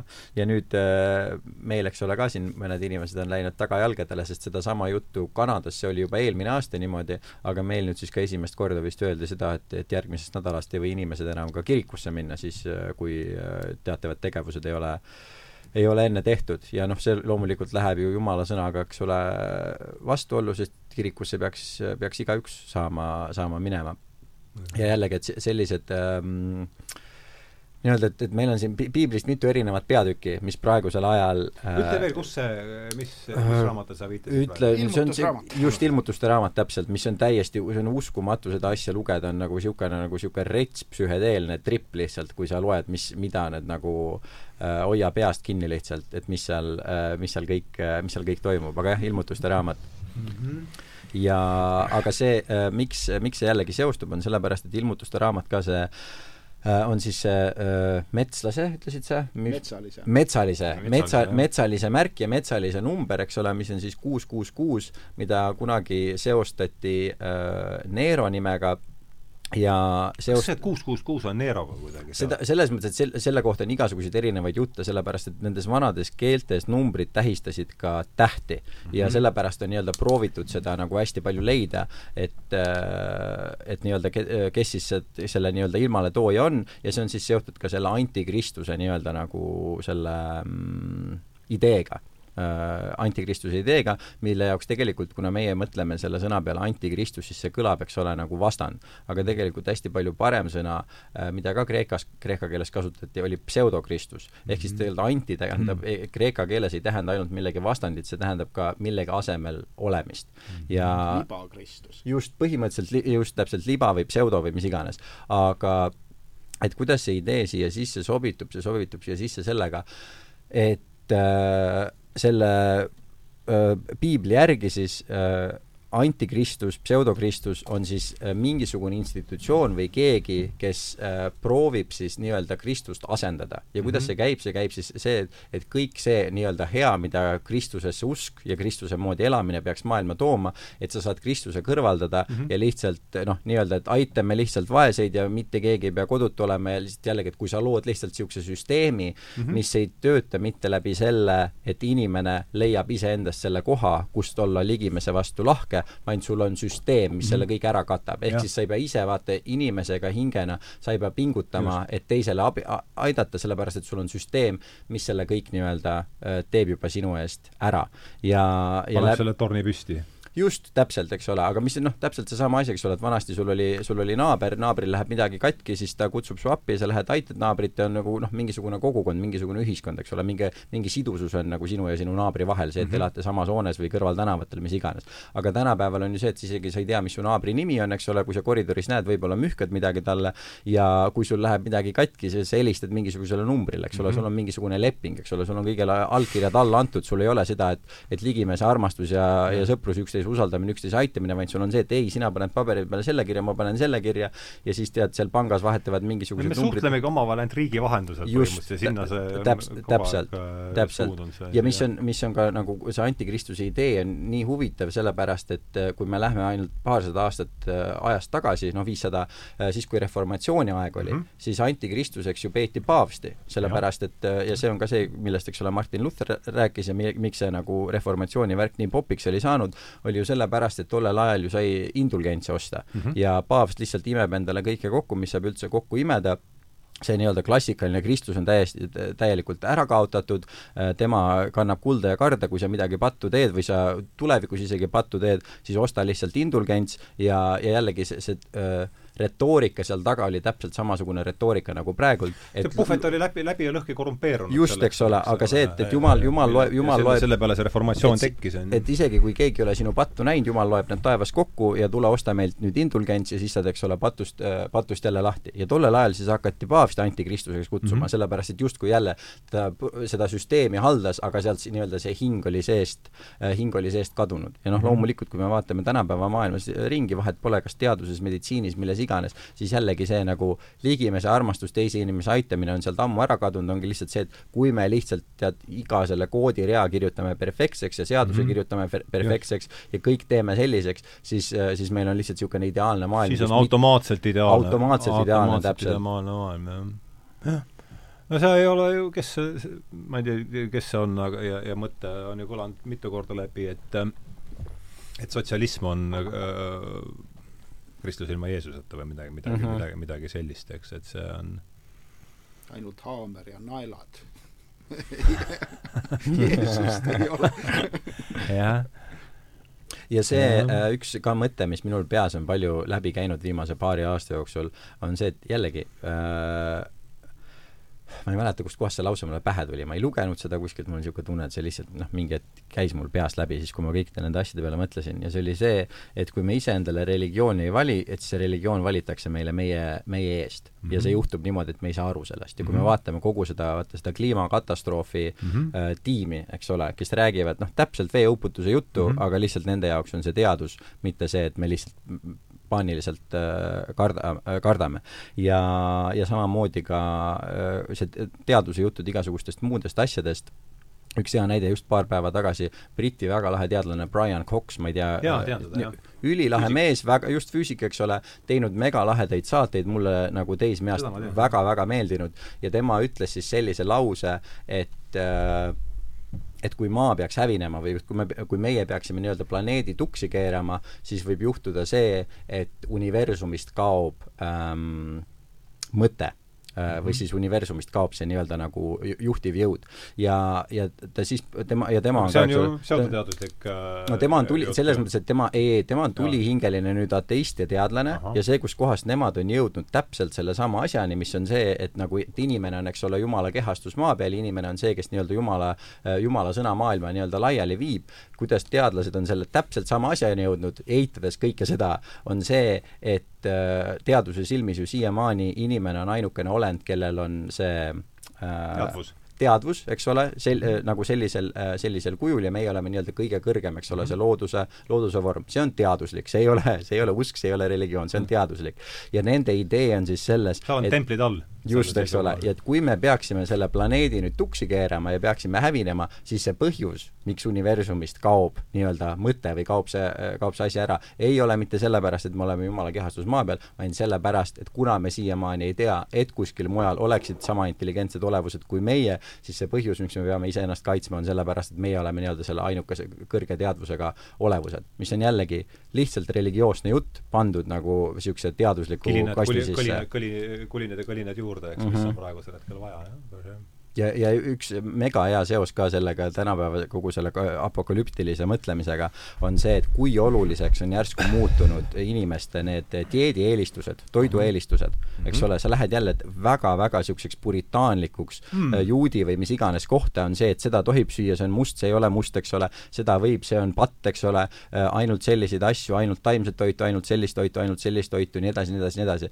et jällegi niisugused üli äh, pseudo, äh, kristlikud pseudousklikud öö, nii-öelda käitumise viisid, aga seda proovitakse mingit moodi pressida mingisugusesse teaduslikku vormi, et ei, ei, ei, et kui sa seda sööd, siis nagu planeet hävineb nagu ülehomseks ja ime, et ta veel juba hävinenud ei ole. selle kohta on meil John Ionidise äh, klipp äh, kanalil just selle toitumisteaduse kohta. kes on väga lahe mees. jah, John Ionidis oli äh, ajakiri The Atlantic, ma ei tea, siin ei tea, keda, noh, siin need hinnangud muutuvad ju üleöö praegu, aga äh, paar aastat tagasi nimetas ta Ionidist ühe, ühteks maa, üheks maailma väljapaistvamaks teadlaseks nüüd tundub, et ta on ikkagi ka vist viimased andmed on see, et ta on pseudoteadlane. ta on Ketser ja, ja ta on Ketser, oh, kas tema, ma ei tea, kas te olete kuskil seda nagu katnud, super hea asi, mis kogu selle nagu teadusliku maailmapildi nii hästi kokku võtab, on tema sama see nagu no nii põhjapanev teadustöö üldse, mis on see, et a la üheksakümmend protsenti kõikidest teaduslikest uurimustest, mis siialgi on avaldanud, kui sa proovid neid taas luua, siis need kukuvad kukuvad läbi. just, just, just, just, just, mis võtab kogu selle asja ja ongi see, et nagu faktid muutuvad, ei, meil on kindlad faktid, aga ülehomme need faktid on, eks ole, teised. et äh, noh, proovi sa sellise nagu, sellise uskumussüsteemiga nagu kaua aega vastu pidada. kuivõrd sa tõid selle dieedi ja selle jutuks, siis selle klipi pealkiri on, et John Ionidis suurem osa toitumisteaduse järeldustest on terve mõistusega selges vastuolus ja tema vot see tõi meile minu äh, see, mis ta seal esines, mingi Šveitsi äh, üle traadi, mingi Šveitsi mingi kindlustusfirma, midagi suur niisugune, et noh, kõikvõimalik äh, äh, ordenitega autostatud mm -hmm. Šveitsi kindlustusselts, üldse mitte pseudoteaduslik äh,, päris niisugune selts. ja ta esines seal ja siis ütles seda, et äh, aa, et nad tegid uuringu ja see tõi minu meelest meie selle traagilise seisundi äh, eriti hästi, välja, nad võtsid Bostoni kokaraamatust. viiskümmend kõige enam kasutatavat toiduainet. ja ma panen natuke värvi juurde, see päris nii ei olnud, aga, aga ma lihtsalt mõte ja nelikümmend üheksa nendest, neljakümne üheksa kohta oli kuskil uuring, et see põhjustab vähki no, ja ainus, ainus toiduaine, mis ei põhjusta vähki või mille kohta ei olnud uuringut, oli vanilje. See näitab see, see ravum on teada, dieet on. Aga noh, vahepeal on teadus edasi arenenud, ma arvan, et see ka enam ei ole isegi, ei saa vaniljele loota, et noh see dieedi, dieedi teema on mulle ka väga inspireeriv, et ma noh, näen palju neid inimesi, kes neid dieedi asju nagu tõsiselt võtavad ja, ja isegi mõned teevad trenni veel sinna juurde ja aga, aga mis selle asja tulemus on? et eesmärk näeb olevat eh, elada terve ja pikaealise lollina võimalikult kaua. saad aru, et sihuke ühekülgne, sihuke kehaline, no täis nõmedad tüübid, kes lihtsalt hoiavad oma tervist ja sealjuures noh, lollid nagu sead et noh, see on täielik absurd, mis toimub. no see selleks, no kui inimene on rumal, aga vähemalt on terve, okei. Okay..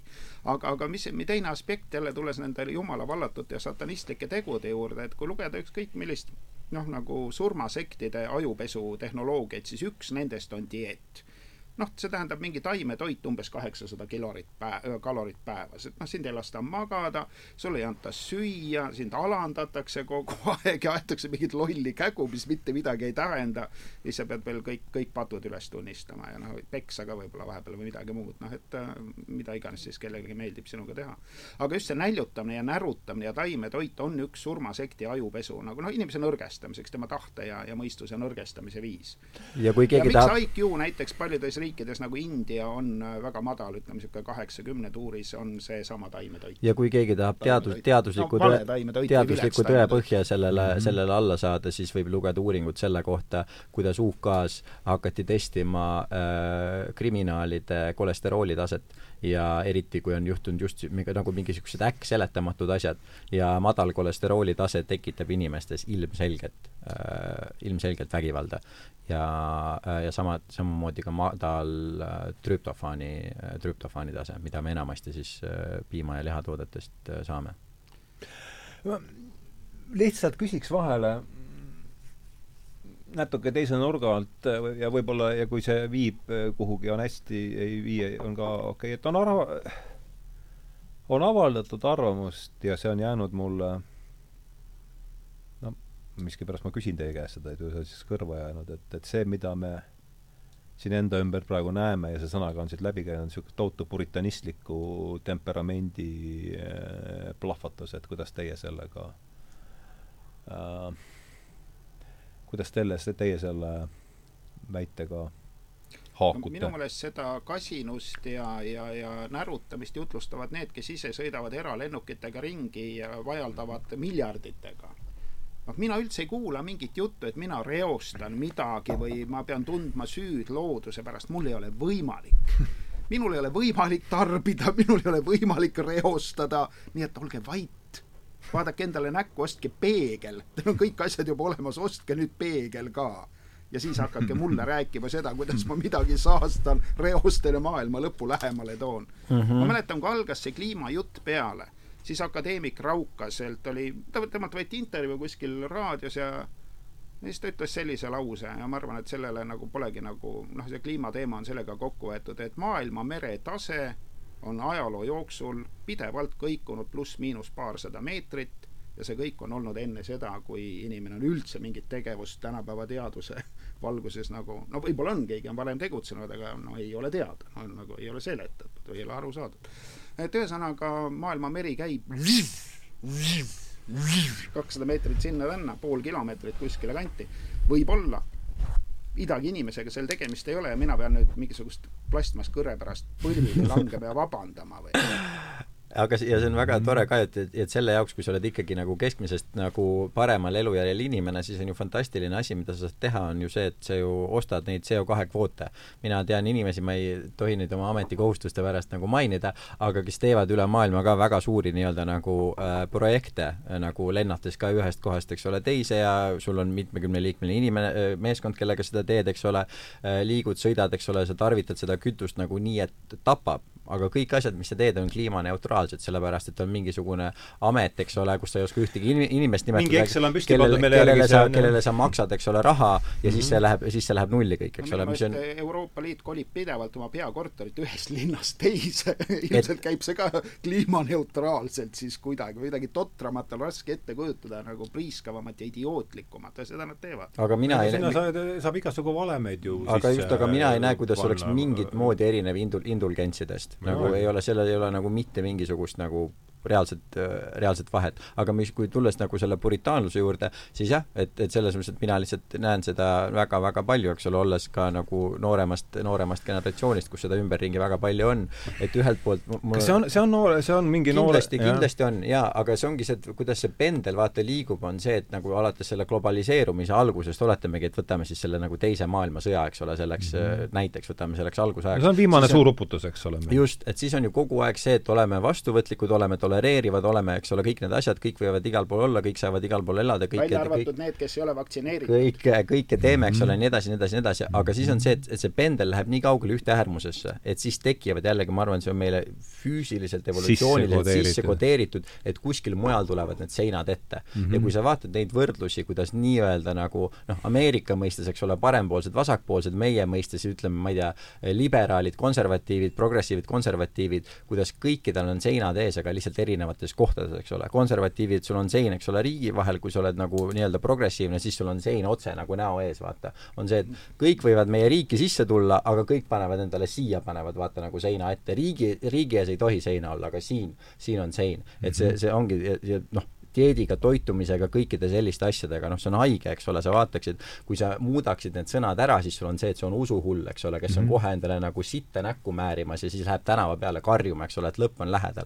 aga mm -hmm. kuna see on kõik, me oleme neid sõnu ja lauseid nii palju kuulnud, ajalehes näidatakse, telekas räägitakse, igal pool räägitakse, on see, et ei, see on mõistlik ja õige viis, kuidas käituda ja lihtsalt niimoodi peabki olema ja kui me piisavalt tublid oleme, siis võib-olla saab kõik, kõik korda, aga tegelikult arvatavasti vist ikka ei saa ka. ja kes meil endale prohvetiteks, eks ole, valime, meie prohvet prohvetid, eks ole, üks, üks Rootsi tütarlaps, kes noh, ametlikult keegi ei pea seda ütlema, me teame, eks ole, et ta ei ole vaimselt ju täiesti nagu terve inimene. aga siis sul on seitsmeteistaastane vaimsete raskustega inimene, keda siis täiskasvanud inimesed nagu sõidutavad nüüd maailma ringi, sellepärast et nüüd keegi selline on meie prohvet, et tulla siis ütlema, mida, mida terve maailm peaks tegema ja kuidas see, mis tast üldse selle viimase kahe aasta jooksul, mis tast nüüd on, kui, kui meil on mingile rahupreemiale või ei olnud äh,? ma usun, et ma selles ma ei ole midagi nii... suurt kuulda ei ole ei, aga ta käib ikka, ta käib, käib, kui sa just, vaata see noh, see faas nii-öelda see see tipphetk sai läbi, kliimaasi aga... ei olnud nii veenev kui see katkujutt. siis hakkasid vahepeal katkujuttu puhuma ja siis see jäi kõrvale, sest just, just, see hirmutas rohkem, eks mm -hmm. ole, et mhm. vaata, võib-olla keegi surebki ära, inimesi ikka sureb, aga kliimaga ei juhtu midagi, see on nagu tühi jutt, eks aga keegi, selles mõttes, et ta on ikka veel sama aktiivne, ta käib, ta käib mm -hmm. kõikidele kõige tähtsamatele tead komisjonidele, asjadele kõnesid pidama ja kõik plaksutavad ja nii edasi ja siis noh, ongi kõik aga jälle see ei ole veel progressi tipp, laste ristisõja ees käis, üks oli hani ja kas teine oli lammas või no neil oli kaks prohvetit seal, no lastekari läks järele, aga ees mm. oli mhm. hani ja mingi kod, teine koduloom. et seal, et see poolemeelne laps, no see ei ole veel progressi tipp, et inimkond on suutnud paremat.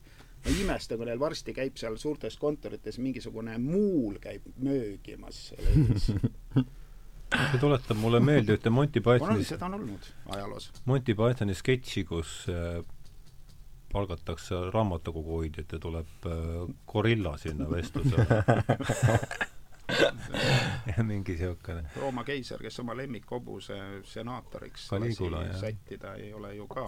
No.. oota, aga räägi selle, see on huvitav teema, laste ristisõda, see tuli möödunud lau-, möödunud reed-, nädal aega tagasi enam-vähem tuli hoopis teises kontekstis. oi, ma ei, ma ei lihtsalt mis sul, mis sul seal lihtsalt, no, lihtsalt joonealuse märkuse korras, et mida lihtsalt see kuskilt loetud fakt, et selle laste ristisõja ees, noh, et no kuhu nad lähevad, keegi peab teed juhatama, siis oli hani ja ma ei mäleta, kas see oli hani ja lammas no, mis, mis, mis, mis teos see on või millest see räägib, mis see ära, nagu, see nagu kuskil hiiglama ammu loetud. okei okay,, selge, aga mingi niisugune, selle nimi on selline siis või? No laste ristisõda oli eks no see oli mis... selline liikumine ah,. Okay, selge. nagu ristisõjad, aga lihtsalt nagu lapsed aeti, hullud lapsed aeti karjas minema, pärast nad ilmselt müüti okay, orjadeks wow, või okay, midagi sellist. see pole kuulnud seda? ei, mitte kunagi. ma kirjutasin mingi väikse Monekotil on ka see last-, ehk laste ristisõda on seal, aga seal see ei ole nagu väga keskne teema. ajaloos on olnud selline asi nagu seda ma olen isegi mm, mingis oma laastuka, sa pole kuulnud seda? ei, sellepärast ma mõtlesin, kas on tegemist on mingi teosega, kas on mingi kellegi, aga ma ei ole kordagi kuulnud, ei ole. aga kust ma seda lugesin, seda ma enam ei mäleta, et see on kunagi minu arust Lekov mainib seda selles Euroopa keskaja või keskaja kultuuris seda, mina noppisin ta vist sealt üles. sellise siis... nagu äärmusliku hulluse näitena nagu võib-olla hea üle uurida. jah, on, on, see hakkas kohe see oli vana, vana Haansalu näitusel on... oli teos, mis tõmbas kohe laste ristisõda, niisugune abstraktne teos, aga see kuidagi tõi selle ja näed, hüppas ka täna täna hüppas ta siin äh, vestluses no. esile. kas me ühe saate tegime ka usuhulludest, et seda ei tahakski nagu nii palju enam nagu, nagu rääkida. me tegime siin või? ja tegime küll jah, see oli es-. Espakiga, jah. kas see sai surnud käsi sai pealkirjaks lõpuks või? võib-olla oligi võib-olla oligi. võib-olla oligi. kas ma võin, kuna selle, seda puritaanluse kohta küsisid jällegi, kuna sa, kuna sa, kuna sa nüüd mainisid usuhullusid, siis ma ei tea, kas teil on sama nii-öelda mõte või idee nagu läbi käinud, aga ma mõtlesin ka, et selle, kogu selle asjaga ju äh, tuleb, selle puritaanlusega tuleb ju kaasa noh, nii-öelda kõik need, kes on räpased, kõik need, kes on äh, kes on nii-öelda, eks ole, nõiad, kes on, kes tuleb, kes tuleb välja heita, meil oli ju siin suur eelmisest aastast alates nii-öelda see ebateaduse ja ebaravi vastane suur võitlus, eks ole. Mm, -hmm. ilmus suur artikkel Delfi siis valeinfo reporter äh,, siis tema tegi suure artikli siis kõik, kogu ebaravist, mis, mis inimesi tapab. Ja ebaravist Eestis, ebaravist Euroopas ja siis kokku äh, ma kirjutasin ühe pisikese, pisikese postituse enda nagu kodulehele ka sellest, aga noh, a la tal oli nagu mingi mitme aasta jooksul tal oli kuskilt leida kümme inimest, kes siis a la olid, ma ei tea, saanud nõelravi või keegi oli, ma ei tea, reiki massaaži neile teinud ja siis neil oli nagu pärast ei olnud sama hea olnud olla, noh midagi niisugust, eks ole, mingisugune absurdselt väikene nagu number inimesi, aga idee oli selles, et ebaravi tapab. noh, niisugune modernne, eks ole, nõidade vastu võitlemine. ja ma siis võtsin äh, lahti Euroopa Meditsiiniagentuuri Pfizeri ametlikud numbrid, äh, mis on siis ametlikele tervisekahjustustele ja surmadele, mida tekitab meie ametlik meditsiinisüsteem. ja see on öökima ajav, sellepärast et igas arenenud riigis on, äh, võtame siis Euroopa, Jaapan, Ameerika Ühendriigid, eks ole, meie nii-öelda selles kuldses maailmas, on äh, meditsiinilised eksimused olenevalt riigist, kas kolmas või neljas kõige enam surmasid põhjustav asi? Eestis oli minu meelest kolmas et eh, pop, sur-, populaarsete surmade tabelis arstide vead oli kas kolmas või mm -hmm, neljas, eks ta mm -hmm. muutub ka ajas. just, aga, aga, aga praktiliselt niimoodi ja jällegi, usaldame teadust äh,, siis on olemas teaduslikud artiklid selle kohta, et kuna me kõik teame, et arste ja õdesid, eks ole, on väga vähe, nad peavad tegema väga pikkasid vahetusi, siis äh, uuriti, et kui palju tekib eksimusi pärast seda, kui kahekümne nelja tunni jooksul arst või õde ei ole saanud vähemalt kaheksa tundi magada. ja esimese kahekümne nelja tunni jooksul, kui ta ei ole kaheksa tundi saanud magada, tõuseb seitsesada protsenti meditsiiniliste vigade nii-öelda nagu kogus ja see on ainult alles esimese kahekümne nelja tunni jooksul ja me teame, et nad vahepeal on ilma uneta igasuguste abiainetega nagu väga-väga pikka aega. Ehk... aga, aga ma lohutan, et olukord on paranenud.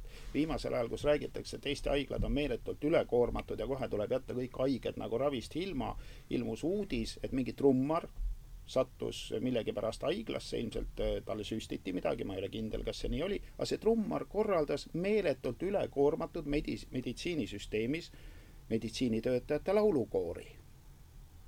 fakt, selline lugu ilmus äsja, see näitab, kui ülekoormatud on meie meditsiinisüsteem, millega ta on ülekoormatud ja miks ei saa korralisi haigeid ravida. kuule, me oleme laulurahvas ikkagi, jah et sellised uudised ilmuvad paralleelselt. meeletu ülekoormus ja meeletu laulupidu aga äh, nüüd see asi, millega ma äh, tahtsin selle ära siduda oli... laule varsti ei tapa, ma tahtsin seda nagu haukuv koer, see, see ei hammusta. aga millega ma tahtsin selle ära siduda, on see, et äh, me kõik ju teavad jutt, eks ole, sellest, kui, kui vanasti, eks ole, peeti nõidadele la-, jahti Nii. ja nõidasid tapeti ja inkvisitsioon ja kõik see aeg. ja millegipärast enamused inimesed seostavad seda pimeda keskajaga, aga nagu meie enda äh, härra vanem Lotman on kirjutanud äh, ja tähele pannud äh,, on on see, et nõidade põletamine, jahtnõidadele ja inkvisitsioon hakkasid pihta renessansi ajal ja hakkasid, ja eriti nõidade põletamist oli, oli valgust, valgustusajal, eks ole. ehk siis jällegi sellel ajal, kui kogu see nii-öelda nagu müstiline maailmapilt, eks ole, korstnasse lasti, siis oli see, et see mingit moodi ei suudetud enam aktsepteerida mingeid asju, mis nii-öelda selle süsteemi sisse ei käinud, eks ole, mis sellesse teaduslikku mm -hmm. ja valgustunud maailmapilti ei kujut- äh,, nagu nii-öelda põhilised nõiaprotsessid olid sellesse, jäid sellesse protestantismi ajal Rootsis juhtus, meil siinsamas kõrval, no meil oli ka jube, aga Rootsis oli tõesti mõistuse vastane. just, ja inkvisitsioon täpselt samamoodi samamoodi hakkas mingi noh, viisteist sajandi nagu lõpus, eks ole, pihta. et siis äh, ka need asjad, mida meie nii-öelda oma tänapäevase mõistusega seostame kristlusega, seostame usuhulludega, seostame kõige sellega, tegelikult ei saanud alguse mitte sellel ajal, eks ole, kui kristlus ja kogu see nii-öelda nagu usk õitses ja mitte keskajal, vaid siis, kui tekkis, eks ole, meie ratsionaalne, ratsionaalne mõtlemine. Ja see, mida me praegult näeme jällegi, see nõiajaht, mis on issand jumal, mingid kuradi joogategijatele ja massööridele ja ma ei tea, kiro-, noh, kellele iganes, jällegi, tuleb sellel ajal, kus me oleme kõige rohkem teadususku ja kõige rohkem niimoodi, ja me suudame täielikult jällegi ehitades selle Paabeli torni, mis on see kõikehõlmav meditsiinisüsteem, siis ja tehes kõike selle jaoks, et see toimiks, mis on ka see, et arstid peavad tegema nagu mitme ööpäevaseid, eks ole, vahetusi, mille jooksul nad tekitavad kes teab kui palju vigastusi ja jällegi kolmas või neljas, eks ole, kõige rohkem surmasid tekitav asi, siis on see, et sellele me ei keskendu, sellepärast et see on osa sellest Paabeli tornist, seda tuleb elus hoida, seda tuleb toita, aga see, et keegi kuskil teeb massaaži kellelegi ja ütleb, et sa ei pea võtma ravimit, vaid sa võid, ma ei tea, mingit kristalli endale otsa ette hõõruda, eks ole, see on halb, selle vastu peab võitlema ja Delfi mm -hmm. keeras kinni just äsja ju need mikrofon on kaugel. Äh, kommentaarid, mis olid meil Covidi ja, ja vaktsiini teemalised, seda, neid teemasid enam Delfis kommenta-, kommenteerida ei saa, mis millal see juhtus siis? mõne päeva eest. mõne päeva eest, see on kaunis uus uudis ja see tähendab seda, et kommentaarid on väljunud kontrolli alt, millest me võime siis järeldada seda, et inimestele vist ei äh, lähe see pettus enam korda. Inimesed on hakanud nagu mölisema, nad näevad, et noh, need, kes on süstitud, kas jäävad haigeks või vähemasti vähemasti ei saa seda kaitset, mis neile lubati ja, ja võib-olla mõni veel on äragi surnud, igasuguseid mhm. asju juhtub, et ühesõnaga see, see plära, mida on nüüd kolm aastat või palju seda siis aetud on, et see on põhimõtteliselt nagu lõpetatud, seda ei usu enam keegi ja kommentaarid tuleb kinni keerata. Et see on praegune olukord ja mis on ka väga tore öelda siia, on see, et kuna väga palju süüdistatakse inimesi, eks ole, et nad on vandenõuteoreetikud, lamemaalased, nii edasi, nii edasi, nii edasi, aga vaatad eelmise aasta siis kevadest alates äh, väga mitme erineva meie äh, ameti esindaja, poliitiku või siis nii-öelda arvamusliidri äh, ütlemisi siis selle kohta, mis maailmas toimub, miks tuleb neid, eks ole, kommentaare kinni panna, miks tuleb asju tsenseerida, miks tuleb nagu seda kõike kõrvaldada, see ei ole mitte sellepärast Need on inimesed, kes on ise mõelnud, kes on ise lugenud, kes on ise uurinud ja kes ei ole ametliku versiooniga nõus ja seisavad sellele vastu, vaid see on Vene ebainfo äh,, valeinfo kampaania, mis levitab neid asju ülesse ja ehk siis kui see veel ei ole selgeks saanud, mida ma proov-, millele ma proovin viidata, siis see on see, et see viis kuidas öeldakse, et teie olete vandenõuteoreetikud ja teid me ei pea kuulama, on see, et mõeldakse välja veel suurem vandenõuteooria, mis on see, et need ei ole isegi teie mõtted ja need ei ole isegi teie postitused, vaid see on Vene suur ebainfokampaania,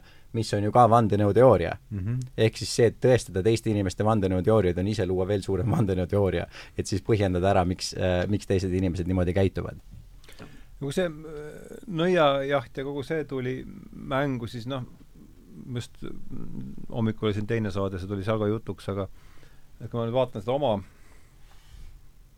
oma teekonda siin, ütleme, viimase viie aasta jooksul, siis no kaks tuhat kuusteist, kui ma selle seltsi tegin, siis ma tundsin, et äh, ma konstrueerisin oma peas äh, kaks indeksit üks on äh, globaalne minestamissuutlikkuse indeks ja, ja, ja, ja teine on globaalne nördimisvalmiduse indeks ja need ju kaks tuhat kuusteist järjest niimoodi, ma tundsin seda, ma küsisin ka noh, et erinevatel kohtumistel, et et oletame, et on olemas, oletame, et on olemas niisugune asi nagu mingi ärrituvusindeks, et kas see teie arvates on kasvanud või kahanenud kaks tuhat kuusteist, seitseteist, kaheksateist küsin, noh, ütleme, kaheksakümmend protsenti, üheksakümmend protsenti inimestest vastas, nad tunnevad mingit üldise niisuguse ärrituse tõusu. ja juba see, et noh, kogu see ümbrus, õhkkond hakkas meenutama Vene aega ja, ja, ja see oli esimene kord, kus ma sellest no piirid pannakse kinni nojah, ja see on teine teema, aga ma lihtsalt poeriiulid saavad tühjaks ja, nagu Ameerikas. Need on väga sarnased, väga sarnased asjad, täielik sõnavabaduse puudumine, kõigi vaenlaste või no teisiti arvajate no see vene kuni ma ei tea, hullumajja panemine, noh, no sellest on nüüd nii palju räägitud, aga see Hatto juhtum, mis meil nüüd oli, Jaan Hatto, Jaan ma... Hatto on üks tüüp, kes annab välja väikest rahvuslikku ajalehte, mida isegi võrgus ei ole, mis on nii marginaalne, et on ainult paberil ma ei tea, kas seda üldse keegi on kuulnud, sellist asja mm -hmm. nagu rahvuslik teataja. selle tüübi juurde koju tuli kolm või neli bussitäist eriüksuse mehi, lõpuks ka helikopter, tal löödi maha toauks, saunauks, tema lae sisse löödi auk, katusesse tehti auk ja noh, tulid no peakottidega mehed relvadega, ta ütles, ta isegi no ta oli, noh, ta läks rõdule vaatama, mis kolin see on, mingi viis-kuus tüüpi sihivad teda relvadega, siis ta hakkas nagu alla minema enne kui ta alla jõudis, löödi uks sisse, ütles, et oleks ta ukse juurde jõudnud, oleks ta uksega lömaks löödud lihtsalt. see on tõsiasi? see on tõsiasi jah, ja seda noh, see ei ole ainult minu jutt. noh, ma jagasin oma blogis ka tema seda noh, meili ja tema intervjuusid, mis ta on andnud. et mingisuguse väikese rahvusliku noh, nagu noh, kõrval Sammistat, no niisugune leht, eks ole, selle tegelase juurde tulevad, no tulid otsima teist tema mingit endist seda lehe, lehe levijuhti, kedagi Kaldalut, kes on tagaotsitav just nagu mingi asotsiaalse käitumise pärast, kelle kaasosaline on see on see tüüp, kes ei olnud nõus presidendil kätt suruma kunagi. vot tema ainukene viis, kuidas mul on selle tüübi ja, nimi meeles. mis ta nimi oli? presidendi vastu, just, jalut-, presidendi vastuvõtt jalutas talle ette, kätte ei andnud ja oligi kõik kes ta on, mis ta on, mul ei ole õrna aimu. ta oli ühe väikese valimisliidu tegelane eelmiste valimiste ajal Tartus ja tal tekkis väga palju põhjendatud küsimusi valimiste kohta e, elektrivalimiste kohta kui ka noh, Tartus seal, kuidas saavad valida need, kes ei ole nagu elus. mitte elus, vaid ei ela selles linnas, kuidas kõrvalpiirkonna inimesed saavad valida seal, kus nad ei ela, no sellised küsimused tekkisid tal, selle peale ta pandi vangi koos oma kaasosalisega, kaasosaline viidi Jämejalga ja tehti seal ravimitega nõdrameelseks enam-vähem, noh, mingi, no ei saa enam rääkida ja no ei ole enam see inimene, eks ole, õppinud arst, sealjuures tehti nagu meditsiiniliselt sandiks. see on kaunis julm lugu, kui seda nagu, et see, see toimub millal see kõik toimus siis? see kõik toimus mõne nädala eest. Ütleme, et see, noh, siin on mitu asja, see helikopterid ja eriüksuslased, kes noh, Hattole relvaga sihtides ütlesid sinu sinu ajakirjanduslik tegevus lõpeb siin relvaga. see juhtus Aha. mõne nädala eest mm. -hmm.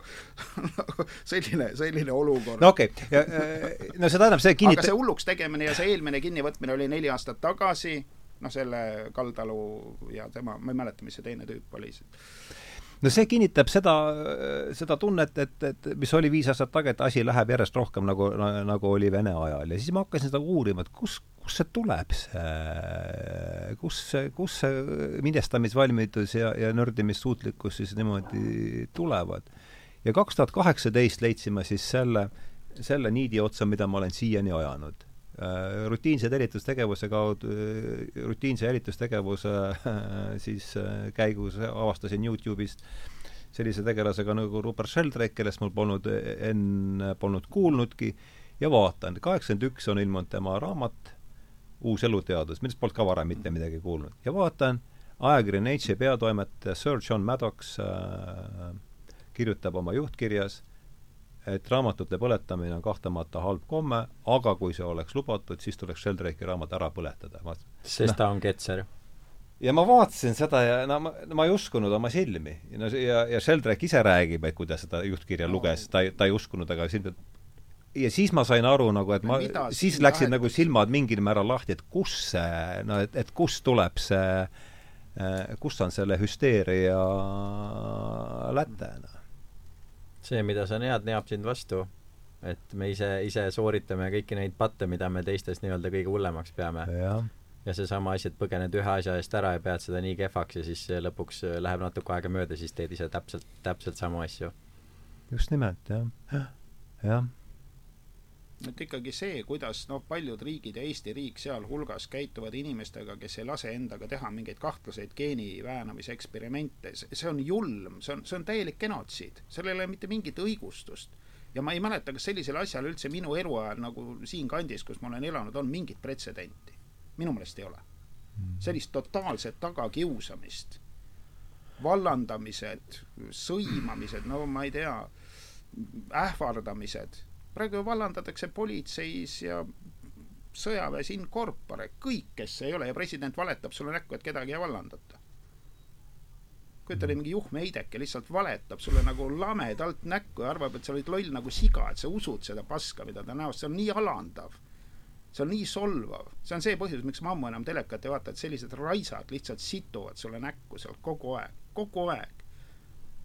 nii lollid, see on kohutav ja jällegi, kuidas see seostub ära Paabeli torniga, on see, et äh, sul on see, see kord ja see, see nii-öelda headus ja kaose puudumine, mida sa taga ajad, on nii ekstreemne, et kõik, kes natukenegi sellele vastu on mm, -hmm. kes siis me, me kaitseme sind nii palju, et sa ei tohi omaenda pesast välja tulla, sellepärast mm -hmm. et mhm. see on ohtlik. me kaitseme sind, me Just. hoiame sind, me oleme, me valvame mm -hmm. sind ja eks neid ju filme ja raamatuid on, on viimase saja aasta jooksul tehtud küll ja veel, eks ole mm, kus on see see nii-öelda nagu ära, ära hellitav ema, kes lihtsalt nagu nii väga hoolib sinust, et ta kallistab su surnuks raisk mm. -hmm.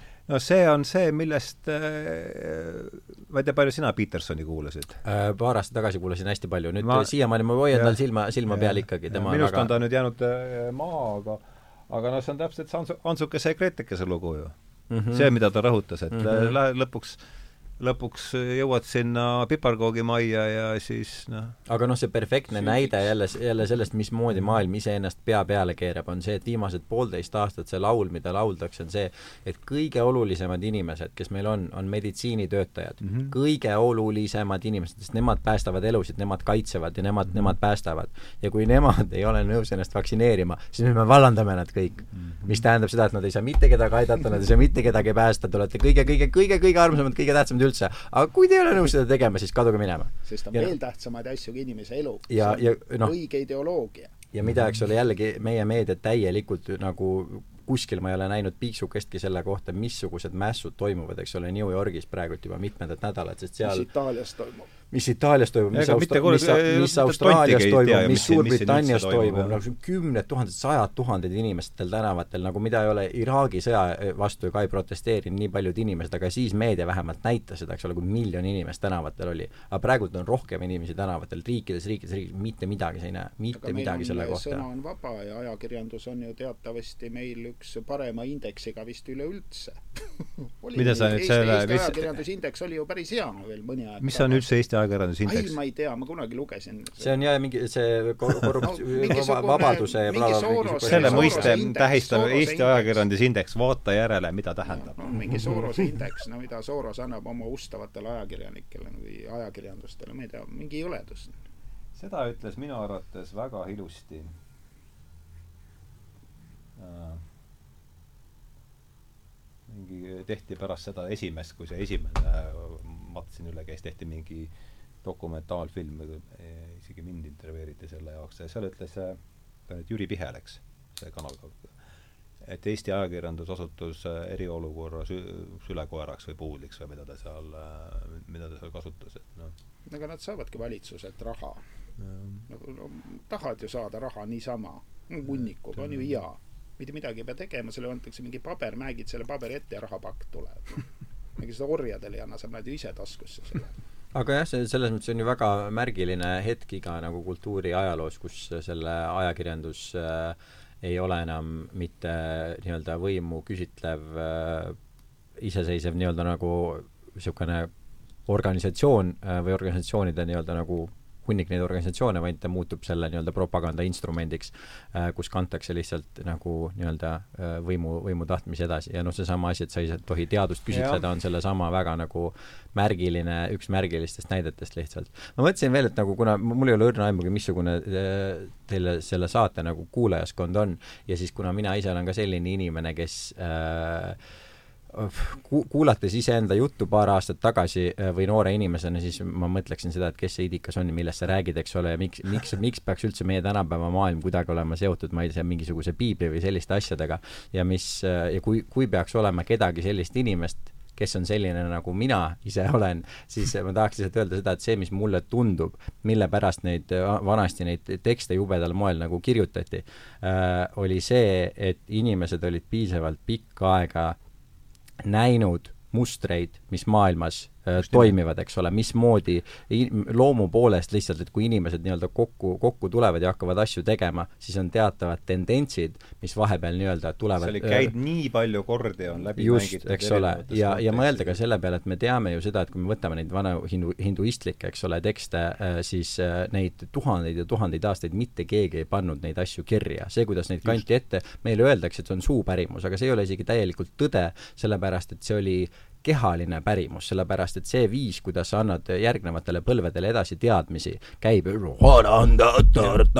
ja samal ajal, kui sa seda, eks ole, räägid, seal on sul rütmid sees, miks, eks ole, on värsis, eks ole, ma ei tea, Kalevipoeg kirjutatud, ja samal ajal sa tambid seda, sa liigutad oma keha, mis tähendab seda, et mm -hmm. see, mismoodi inimese loom töötab, see, mismoodi me käime, äh, see tambitakse sulle lihasse ja luusse sisse, et sa ei pea mõtlema, et ah jah, ma lugesin raamatust, ma otsin välja nagu, mhm. mis juhtub siis, kui juhtub niisugune asi, vaid see on sul liha lihas ja luus sees, see on lihas on, ja luus, on sulle sisse tambitud, see kasvab sinu sisse ja sellepärast, eks ole, pikka-pikka aega igas targas nagu selles Äh, vanas äh, nii-öelda äh, kultuuris öeldi seda, et ei, me ei tohi asju kirja panna, sest kirja panemisest hakkab pihta see, kus kõik läheb pekki, sest siis tuleb tõlgendamine ja siis tuleb see, et aga mõtleme, mis see veel võib tähendada, äkki nad mõtlesid seda, nii edasi, nii edasi, nii edasi.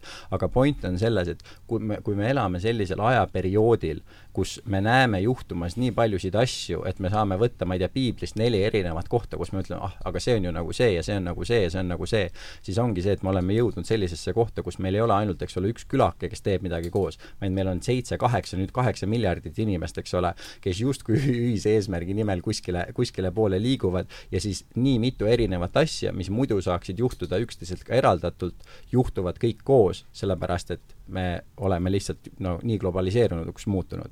ja selle jällegi see teaduslik võrrand selle kõrval või see nii-öelda nagu äh, seesama asi, mida teaduslik maailm on, on siis see, et meil on see peak see ja peak teine ja peak kolmas, et meil on majanduses niisugune koht, meil on nagu selles äh, bensiini ja kütuse, eks ole, tootmises niisugune koht, et sedasama asja kirjeldatakse lihtsalt väga niisuguste tooreste numbritega, et kui palju me mingisuguseid maavarasid kätte saame ja kui palju nagu mingisugused muud asjad liiguvad, aga jällegi täpselt sama, et nagu äh, see mustrite, lihtsalt mitme mustri kokkulangemine, mitme laine täpselt samal ajal nii-öelda nagu kaldale löömine mm. -hmm no et üks lihtsalt aspekt siin selle torniga, et kui inimene on võtnud endale kõik need jumala funktsioonid ja jumala nagu nagu instrumendid, et siis äh, ma arvan, et nad on võtnud endale ikkagi kätte nüüd ka veeuputuse et need jutud sellest, et inimesi on liiga palju, et see planeet ikkagi ei kannata välja, et siin võib-olla võiks neid olla nüüd kas pool miljardit või, või kuigi nii palju, et tegelikult mis see on? see on uue veeuputuse ideoloogiline ettevalmistamine ma, ma arvan, et nad ikkagi mitte ainult ei süsti, ainult ei tee bioroboteid. oota, kes on nüüd need nemad? Need, kellel on raha seda teha. minul ei ole ausalt, vaata, ma võin pangakonto välja võtta, panna, mina ei saa valitsusi ära osta, mina ei saa haridust ära osta, mina ei saa meditsiini ära osta, ma ei saa isegi ühtegi Hollywoodi klouni ära osta, mul ei ole selleks võimalust. Need, kellel on võimalus ja neid inimesi tegelikult ei ole väga palju. võta tabelist välja, kus nad on, et kellel on see võimalus, neid on seal hästi vähe need, kellel on võimalus, saavad teha. mis sina motiiv ja võimalus. mis sina nendest ar- kus on nemad uh,? Ma hea meelega võib-olla ei vastaks sellele küsimusele, aga, aga ma ütleksin sama asja, mis ma ennem ka ütlesin, et uh, kõik inimesed, kes ka midagi, midagi proovivad teha, siis ma siiralt usun seda, et see tuleb, tuleb reaalselt headest, kas ma võin ühe loo rääkida, illustree-, illustreeriva loo? lugu, meil ongi lugude üks, äh, üks firma, mille tooteid me kõik igapäevaselt kas, kas kogemata või möödaminnes või meelega tarbime, Nestle mm. -hmm. kõik teavad, eks ole, üks maailma kõige suurem toidu, toidutootja. see on seesama lugu, mis ma isegi lugesin, aga räägi ma ei tea, kas sa oled lugenud Nii. selle, kas te teate, kes selle, kes ja kuidas selle firma lõi? aa, ei, siis ma ei ole seda lugenud. nii, Nestle lõi äh, siis üheksateistkümnenda sajandi lõpus oli üks äh, Austria äh,, Austria perekond, Austria mm -hmm. peres oli, kui ma mõne detaili panen mööda, andke andeks, aga jutt on point on sama neliteist last oli peres ja seal oli üks, üks poegadest oli John või mis iganes ta nimi oli, eks ole, ei kõla väga Austria nimi, aga mm -hmm. ja kasvas täielikus vaes-, kasvas täielikus vaesuses ja äh, saades suuremaks, talle kohe oli nii-öelda nagu palju ärivaistu, äritaipu ja tema üks äh, eesmärk ja ainukene eesmärk oli see, et kurat võtaks, ma sündisin niisuguses vaesuses, ma olin ise näljas, ma vaatasin seda, kuidas mu õed ja vennad näljas on, eks ole, minu eesmärk elus on luua see, et mitte kuradi ükski laps ei pea enam nälga kannatama mitte kunagi ja kahekümnenda sajandi alguses esimene asi, millega tema maailma vallutas, oli see, et tema oli esimene beebitoidu tootja. ehk siis ta tegi midagi, kus ta segas, eks ole, kokku sul mingisugust, tegi piimapulbri, pani sinna suhkrut, pani sinna natukene nisujahu, eks ole, midagi veel, ja sai tekitada sellise olukorra, kus ka kohtades, kus muidu lapsed surevad nälga, kus ta sai seda väga nii-öelda nagu selle säilivusaeg oli väga pikk, sai seda igale poole nii-öelda laiali, lapsed ei pea enam nälga jääma isegi kui emadel midagi juhtub, et nad elavad kohas, kus toitu on, eks ole, vähe ei saa enam piima anda, saavad lapsi sellega toita, ühesõnaga äh, beebitoit, sellest, sellest sai see pihta, tema ainukene eesmärk oli see, et ükski laps ei jääks nälga mm. -hmm. tänaseks päevaks on Nestle üks kahest-kolmest maailma kõige suuremast toidutootjast ja ainult selle jaoks, et äh, toota äh, šokolaadi Nestle KitKatidele, kõikidele muudele šokolaadiasjadele, töötab Nestle heaks mitte loomulikult ametlikult, aga need on ametlikud numbrid, mida on väga lihtne leida, üle kahe miljoni lapsorja, kes Sierra Leones ja sellistes riikides, äh, keda nad, nad varastatakse inimeste kodudest äh, või ostetakse lapsorjadeks, viie, kuue, seitsme, kaheksa, üheksa, kümneaastased lapsed,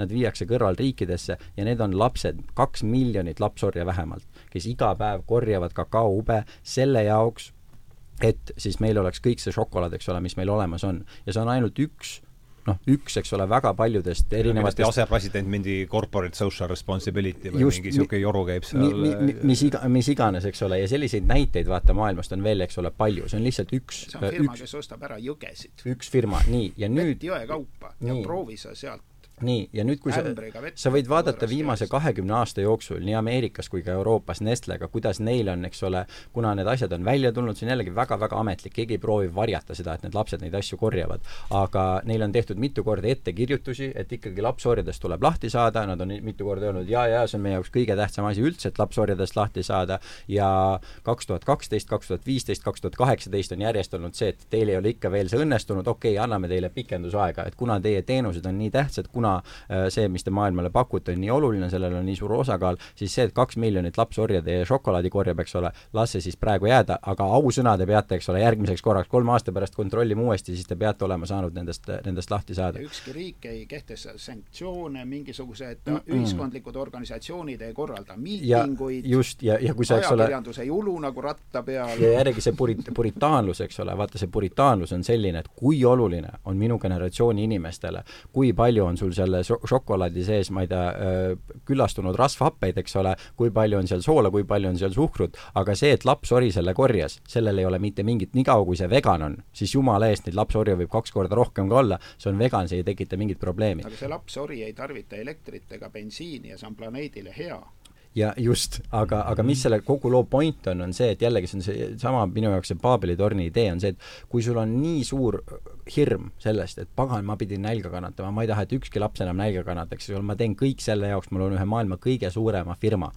siis see asi lõpeb sellega, et kui sa proovid mingit katastroofi eemal hoida, siis sa, see tuleb ringiga tagasi ja see viib selleni No et selle- sellesama, kui see tüüp, eks ole, praegult hauas, ma ei tea, palju see ringe ta ühe pere katastroof, see on terve planeedi just, et katastroof. kui palju, kui palju tal, ta pe- hauas seal ringe teeb selle nagu teades seda, mis nii-öelda tema algatusest lõppude lõpuks, lõppude lõpuks saanud on. see on ilus lugu. Meelde jääb igal juhul. ja selliseid näiteid on veel, see, see ei ole kindlasti ainukene selline lugu ja noh, sest ma arvangi, et ja täp- selle firma, ma ei tea, kes selle omanik võib olla, see, see võib korraldada üht koma teist siin maailmas. no nii, meil on veerand tundi, veerand tundi jäänud, et nüüd peab hakkama mõtlema sellele, et see vestlus kuidagi niimoodi Kodusadamasse juhtida, et äh, mida siis inseneridele, kuidas siis inseneri nõustada, et kuidas torni no, Kuidas torni ehitada? see torni ehitamine võib olla väga kaugel, kui ikkagi noh, vandenõuteoreetikute jutud sellest, et noh, vaktsiini sees on, on mingisugune aine grafeen ja ma olen ise lugenud Eesti, ma ei tea, Fortest lugusid, et seda grafeen, et see on noh, nanotehnoloogia imeaine, mida saab, ütleme, lühilainega printida ühesõnaga nüüd sa ei prindi, tähendab, pane printerisse, see aine on kusagil näiteks sinu taskus või sinu veresoontes, ma lasen sulle mingi kiire peale, see noh, aine võtab selle kuju nagu on, noh, prindime seda sinu kehas, nii nagu vaja on. Et see on võimalik, see ei ole mingi luul, see on, see on päriselt.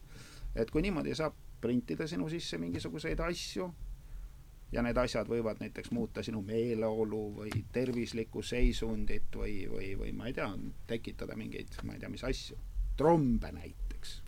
Mina- kui ka, kui on see nii või ei ole, aga selline jutt on igatahes äh, liikvel, ma arvan ja kusjuures väga hea point ka selle kohta, sest jällegi nagu ma kujutan ette, et kui enamused minu sõbrad, eks ole, seda juttu kuulaks, siis neil oleks see, et kes see, kes see, kes see vanamees on sassu kõrval ja mis juttu ta ajab, eks ole, et tema ei, lamemaalase jutt bla,, blablabla, blablabla. miks see on nii oluline? On äh, sellepärast, et isegi kui spetsiifiliselt sa võtad kõik need asjad, mida nii-öelda vandenõuteoreetikud, eks ole, usuvad, isegi kui tegemist ei ole sada protsenti nii-öelda tõese jutuga, siis mis on oluline kogu selle vandenõuteooria äh, mm -hmm. temaatika juures, on see, et kust see tekib, kust Just. Tekib inimeste sisse kahtlus Just. ja see tekib sellest, et puudub usaldus iga kord, kui mingisugune usalduse lüli murdub inimese ja teise inimese vahel, inimese organisatsiooni vahel, inimese ja riigi vahel, siis äh, tekivad, eks ole, kahtlused, mis ja. täidavad selle koha, eks ole, kui me keegi oleme olnud kunagi suhtes, kus keegi sind petab, keegi valetab sulle, keegi tõmbab sul vaiba jalge alt ära, su pea täitub lihtsalt kõigega, et mi, aga mis ta veel võib teha või mis siis nüüd juhtub, mis nüüd juhtub, eks ole. et vaadata nagu proovida Just. kuidagi maha tampida neid inimesi sellega, et ei, ei, ei, et see on nagu mingisugune prääksu ja lamemaalase jutt, on täpselt seesama asi, et täielikult kõrvale heita see, et aga kust see tuleb mm. -hmm. ja jällegi, kui me elame Paabeli tornis mm, -hmm. kus sinu ja nende inimeste, kes otsustavad, mis sinu elus toimub, vahel on nii palju lülisid ja lisaks sellele iga inimese elus on näiteid sellest, kuidas kas, ma ei tea, riik, haiglad, mingid firmad on neid kuidagi alt vedanud, kuidagi mm -hmm. petta saanud, kuidagi mis iganes, siis see lihtsalt levib ja levib ja levib ja levib ja levib. ja see, et keegi arvab, et ma olen nii tark ja mina ei ole lamemaalane ja mina ei loe mingit kuradi, ma ei tea, telegrammi või mis iganes, iganes asja ja teen neid inimesi maha, sa ei lahenda mitte mingisugust probleemi sellega, sa ei kõrvalda mitte midagi, sellepärast et sa lihtsalt väga-väga mugavalt lükkad kõrvale selle Ja-, et aga miks nii paljudel inimestel on nii palju kahtlusi ja just, kuhu see kus see usaldus usaldus, kadunud on. kus on usaldus kadunud ja, ja, ja nende meetoditega, mida siin rakendatakse, ma arvan, seda kas keegi suud, kuidagi ei suudab meenutada peavoolu ajakirjandusest ühte kampaaniat, no järsku hakkavad kõik ühte teemat kirjutama, kus ei oleks olnud vale, reeturlik, inimvaenulik ja loll. Üks selline kampaania, mina ei suuda sellist meenutada. on see Euroopa Liiduga ühinemine, on see kõrbesõdade mahitamine, on see laste seksualiseerimine, on see mingisugune IMF-ile allakirjutamine, ükskõik mis ja see on huvitav, järsku läheb kõik, Järsku üks läheb, lahti. üks joru tuleb kõikidest torudest sa ei pea. olema ekspert, sa tead, nad teevad seda jälle. Need lurjused valetavad jälle, jälle nad korraldavad mingit kohutavat sigadust ja jälle on see globaalne. Ei no see paneb jah ime ja, ja noh, see oli juba ja mina olen lamemaalane. mina ei ole kõrbesõdasid jutlustanud, mitte kunagi. Ja kõike muud seda jama ka mitte. aga kõrbesõjad nüüd osutusid ju ikkagi pseudoteaduseks vist no mulle tundub, et Afganistan vist ikkagi õnnestus demokratiseerida lõpuks või? Noh, afgaanid said selle, mis nad tahtsid, rahvademokraatia või islamidemokraatia, kumb see on neil praegu seal? Ja mis on hea asi ka, eks ole, kui mõelda kõige selle peale, mis jutt poolteist aastat tagasi läks, eks ole, mis olid kõige suuremad vandenõuteooriad üldse, see, et varsti tead, sul on vaja vaktsiinipassi, et üldse ühest kohast teise saada ja tead, ega nad ei pane seda kohe nagu vahet ei ole, nad panevad meie riigi uuesti lugu, ühesõnaga kõik asjad, mis oli kõige ekstreemsem vandenõuteooria üldse, nüüd on lihtsalt reaalsuseks saanud, eks ole. et kui, siis kuskil, oli see vandenõuteooria. kuskil ma nägin väga lahedat meemi, kus keegi tegi nagu nimekiri, et nagu mingi kuus kõige ebameeldivamat tunnet maailmas. Ja siis number üks on a la see, et kui sul on, ma ei tea, keele peal midagi, sa ei saa seda kätte või nagu kuskilt sügeleb ja sa ei suuda, noh, mingi ühesõnaga nimekiri ja siis viimane asi oli see, et sellel hetkel, kui sa pead tunnistama, et su vandenõuteoreetikust sõbral oli õigus mm. -hmm. et see on kõige, kõige ebameeldivam tunne maailmas aga mina ise, mina ise muidu olen nagu ootan seda aega ja olen selle poolt, et öö, igale inimesele võiks olla kohustuslik, et öö, nirk õla külge opereerida, kellega siis oma verevarustust, varustust jagad.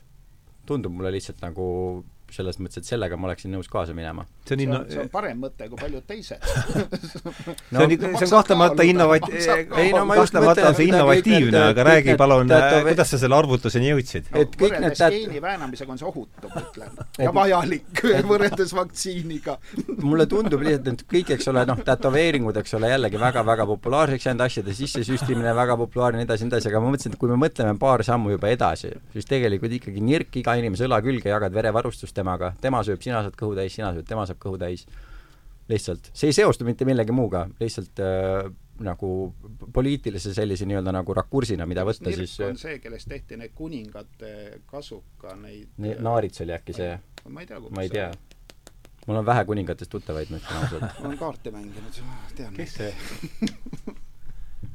vähe kuningatest tuttavad, keegi rääkis just, et äh, mingit inglise Hermeliin, mis see loom seal on? ja, ja, ja Hermel-, ma ei viitsi praegu vaadata, kus see Herme-, aga see, et et see et... nagu oleks kuninglik, kui ta on sul õla küljes mm, -hmm. ma tahtsin sinna välja. väärikas, vot mina ütleks, see on väärikas. mine, igal iseendast lugupidaval inimesel peaks nõrk olema õla, õla, õla külge opereeritud ja ma tean, kuidas nirki püütakse muide. kuidas see käib äh,? väga hästi. ta on hästi, ta on väga huvitav loom, selles mõttes ta on kõige ilgem kiskja meie, meie kliimas vähemalt. jaa, ta mm -hmm. tapab huvi pärast, ta ei tapa söögiks ainult ja näiteks noh, ta on ju ise pisike, no ta on niisugune no väike väike ablas kiskja. väike junn, aga näiteks mingi hane või suure linnule ta kargab selga hakkab närima kaela ja see hakkab lendu, lennu pealt närib kaela läbi, siis kukub alla koos sellega. ta on selline loom. vot näed, ma vali-, ma isegi seda teadmata juba alateadvuses nagu, ma teadsin. see on väga hea valik, see on kohutav kiske, aga teda saab hästi kätte, noh kuidas ta kätte saab? ämber pannakse maa sisse, ämbri kaane sisse tehakse auk, et ta saab sisse minna, ämbrisse mm -hmm. pannakse hiiri, no ta sööb neid. teen märkmeid samal ajal ta läheb sealt kaanest sisse ämbrisse, siis enam välja ei saa. noh, ämbri sein on sile, eks ole, auk on väike.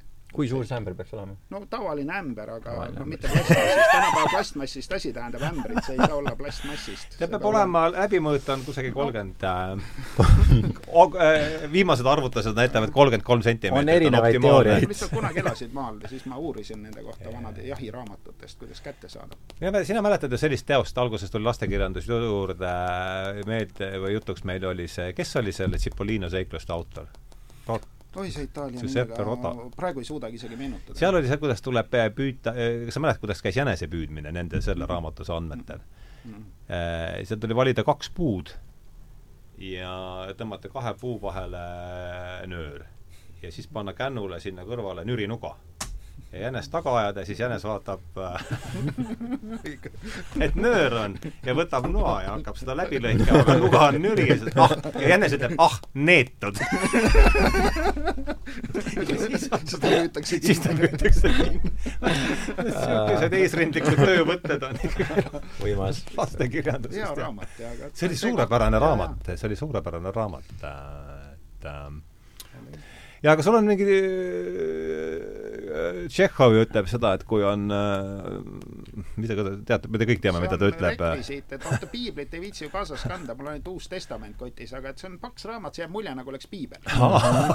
tõsi. ei, ma sain ta lihtsalt kuskilt tee pealt, et mulle, mul on sümpaatia paksude raamatute vastu. kas see on seesama, kes kirjutas need Noored lõvid? jah, peaks olema. seda ma lugesin suure huviga. kas sa oled Noori lõvesid, Noori lõvesid lugenud? ei, ma olen üldse vähe lugenud lapsena lugesin, sina, sina vist on ju ütlesid, et lapsena kõik loevad, mina ka lapsena lugesin väga-väga palju, ma tänapäeval loen ikka väga palju vähem, kui lapsena lugesin. Mm -hmm. aga kas, kuna sa küsisid midagi, siis ma mõtlesin, et äh, annaks niisuguse nagu päris vastuse ka äh,, mis iganes küsimus see oli, aga kuna see mina aeg... küsisin, mul oli juba küsimus meelest läinud. Sa küsisid midagi selle kohta nagu kogu see Paabeli torn ja ehitamine, lammutamine ja nii edasi, et kaks mõtet aa, mida nõuda, mis nõuandaja insener just, just, just, just, just. on, on küll seesama autor. et esimene asi on see, et, et äh, põhimõtteliselt kuna inimene on ikkagi selline nagu keskenduv ja fokusseeriv loom, eks ole, siis ei ole vahet, kas me ehitame midagi, mis on nagu, ma ei tea, tapamasin, eks ole, me võime ehitada AK nelikümmend seitset või me võime, ma ei tea, voolida puunuga, eks ole mm. -hmm. see tunne on vaata sama, sellel hetkel, kui sa oled keskendunud sellesse asjasse, siis ei ole vahet, kas sa teed taparelva või sa teed midagi, ma ei tea, ma ei tea, laps saab süles, eks ole, hoida. see tunne on sama, kui sa oled fokusseeritud, sa tunned seda, et sinul on, sul on eesmärk, sul on vaja, noh, mis iganes, eks ole. et esiteks see, et mitte nagu tunda nüüd pahameelt inimeste peale, kes, kui me tunneme et keegi teine, keegi kuri, keegi paha kuskil nii-öelda nagu teeb midagi, et miks ta, miks ta teeb meie elu nii halvaks, et mõelda selle peale, et ta väga naudib seda, mis ta teeb ja ta on, ta on tegus sellega ja, ja nii-öelda palju, palju edu talle. esiteks seda ja teiseks see, et kuna tänapäeval nii paljudel inimestel ilmselgelt on palju nii-öelda nagu paanikat, hirmu kõige selle maailmas äh, toimuvaga, siis tuletada meelde nüüd, et kui sa saaksid teleportida ennast, ma ei tea, viie aasta tagusesse aega või kolme aasta tagusesse aega, teades seda, mis sa praegult tead, kus sa siis alles naudiksid, vaata. kus sa siis alles naudiksid seda, et jumal täitsa pekkis, elu on nii hea, et uskumatu lausa mm. -hmm. nii. ja siis seda teadmist omades mõelda seda, et kus me praegu oleme, ei ole üldse nii hull kui asjad veel saaksid minna. mis nad kolme aasta pärast võivad olla, kui me niimoodi edasi ehk läheme, siis jah. nagu naudi seda aega, mis sul praegult on, lihtsalt tunne ennast hästi, naera selle üle, mis ja. toimub, mõtle, et sa oled sattunud ajalooliselt äh, väga huvitavasse ja. nagu paika ja, ja, ja käitu sellele vastavalt, eks ole, et mm -hmm. kui sa, kui tulevikus inimesed mõtlesid, täitsa pekkis, kui ma oleks selle kuradi kaks tuhat üheksateist Covidi ajal maailmas elanud, mis ma oleks kõik teinud, kus ma oleks käinud, mis ma oleks öelnud, mis oleks nagu no nagu mm -hmm. samamoodi, nagu me kujutaks ette, kui me satuks nagu püra, püramiidide ehitamise aega, siis oleks see, et nagu mingi vau, ma olen siin või päriselt või ossa, lahe, eks ole, või nõidade põletamise aega. Lähme põletame ka või ait-, no mis iganes, vaata. naudi, elu on seiklus, tunne lõbu sellest, mis toimub. ära võta liiga tõsiselt. jah, sest äh, jah, vaata, Peterson oli jutuks siin äh, ju täna ta on juba tulnud, et mulle üks lause, mis mind no mind rea-, ikkagi, ma kuulasin teda ju väga-väga palju ja, ja ma tegin põhjusega, et ta reaalselt aitas mind ja, ja üks lause, mis eriti aitas, oli see, et mis sa põed, et kõik on juba niikuinii kaotatud mm. -hmm. et äh, ja see on noh, natuke, minu meelest natukene noh, kuidagi haakub sellega, mis mm, -hmm. mis sina ütlesid, et mm -hmm. ma loodan, et see või noh ja kui see, kui kellelgi on hirm, et see on nagu filmi lõpp, siis kui fucking äge filmi lõpp see on no,? noh vähemalt, ühel hetkel ta lõpeb ju vähemalt, just, just, just, just, just, et see on vähemalt ju kuradi kihvt, kihvt viis, kuidas nagu hea püant. ja teine asi jällegi, just eile tuli jutuks miskipärast,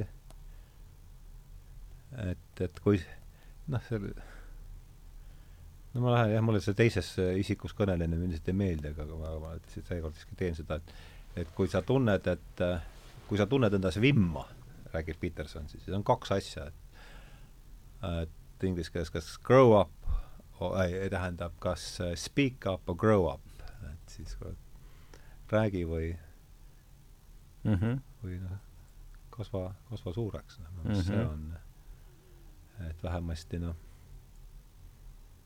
me oleme siin äh, ma ei tea, palju me siin selle kahe tunni jooksul nüüd kasvanud oleme, see on omaette küsimus, aga, aga vähemasti aga kui sa sündisid või enne sündi, keegi ei lubanud sulle midagi muud, selles mõttes, et just. keegi ei lubanud midagi paremat. jah.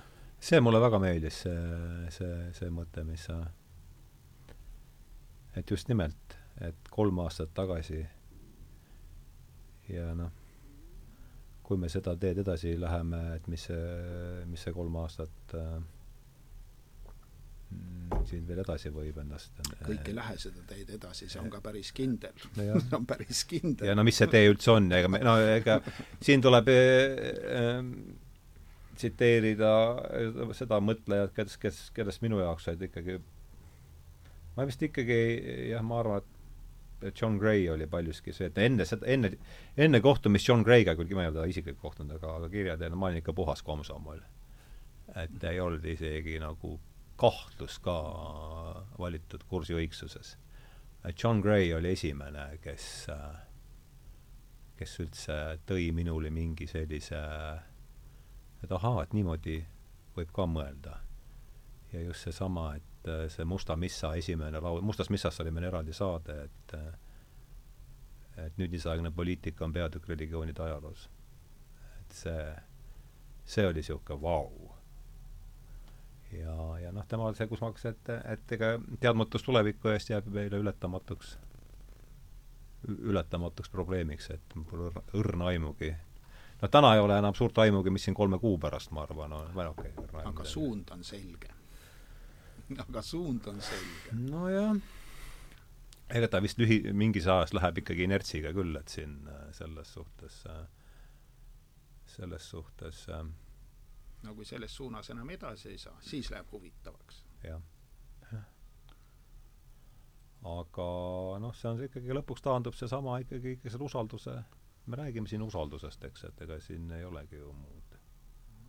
see ja kuidas seda no võib-olla arstid oli see viimane institutsioon, mida võis veel usaldada, eks ole, et sa ei saa ajakirjanikku usaldada, sa ei saa kirjanikku usaldada, sa ei saa poliitikut usaldada, no okei okay,, võib-olla sa ei saa kohtunikku usaldada, no nii ja naa, no võib-olla ei ole kogu aeg vaja ja lehti ei pea üldse lugema, aga vaata, arsti läheb vaja mõnikord mm. -hmm. ja see on eluliselt tähtis ja sa ei saa eluliselt tähtsas asjas seda ainsat ametnikku usaldada, kes on. et see on elu ja surma küsimus oh.. see on elu ja surma küsimus. Ma hüppaksin korraks veel vahele, mis on ka nii oluline, mis näitab seda, missuguses Paabeli tornis me elame mm. -hmm. mis on see, et äh, isegi sellisel intelligentsel, isemõtleval inimesel on, mõte läheb ikkagi sinna, et sellel hetkel, kui su tervisel on midagi viga, siis on arst, siis on keegi teine, see on keegi võõras, kes sind tegelikult aitab mm. -hmm. ja see on ka see, mismoodi meid praegult ju koolitatakse, et see, et sina ise oma keha tunned või see, et sina ise oma keha tead või see, et sul iseenda keha ees on vastutus, ei ole olemas. see on sellel institutsioonil, sa lähed sinna majja ja, ja nemad otsustavad sina, see, mis sa võid arvata, mis sa võid sees tunda, see ei tähenda mitte ja. midagi. ära usalda enda sisetunnet, usalda võõrast inimest mm. -hmm. ja, ja noh, ja see ikkagi, et noh, täna on, täna oleme selle eksperdi äh, käes, homme oleme teise eksperdi käes ja noh, käib niisugune ühe huvitav, miks minuga midagi ei juhtu? ma ei kanna maski, ma ei süsti ennast, ma käin inimeste seas ringi miks minuga midagi ei juhtu ja miks need süstitud tüübid ära surevad? noh, seda sellepärast, et ma teen trenni, sellepärast, et ma ei loe lollusi, ei lähe närvi sellest jamast, mida aetakse, ma hoian oma pea terve, ma liigun ringi, ma käin jahil, ma käin kalal, ma viin veel omasuguseid rappa ilma kompassita, vihmaga ja vaatan, kas tulevad välja või ei tule, siiani on enamus välja tulnud suur enamus, suur enamus. aga meie mul tuleb meelde seesama, mis ma sulle rääkima seal stuudiosse tulime, jutuks tulnud sellest, äh, kuidas Käbin moosis, äh, läks juttu Johannes Käbini mälestustele, kuidas ta moosis Hruštšovilt välja siin neid maaparandusrahasid ja ja ju ta siis oli andnud oma kabajansikutele käsu kätte, et rääkida ainult ühte euro, kuni ühel hetkel Hruštšov käratas, et mis toimub, kas te olete mu mingisse laukasse meenitanud, et mul tuli kuivendamise jutt käib. rabamatkadega tuli see, tuli meelde niisugune see äh, jah, soovitan äh, kõigi rabas mitte laudu mööda, vaid lihtsalt. otse läbi lauka no lauka kõrvalt, kui võimalik no vot nii, aga ongi kaks tundi läinud jälle nagu, nagu niuhti, et ähm, võib ühe veel väikse lause lõpuks. et, et see Paabeli torni ehitamine ei käi enam sinu ümber ja see ei käi sinu mõistuses, nüüd see käib juba sinu geenides ja sinu vereringes.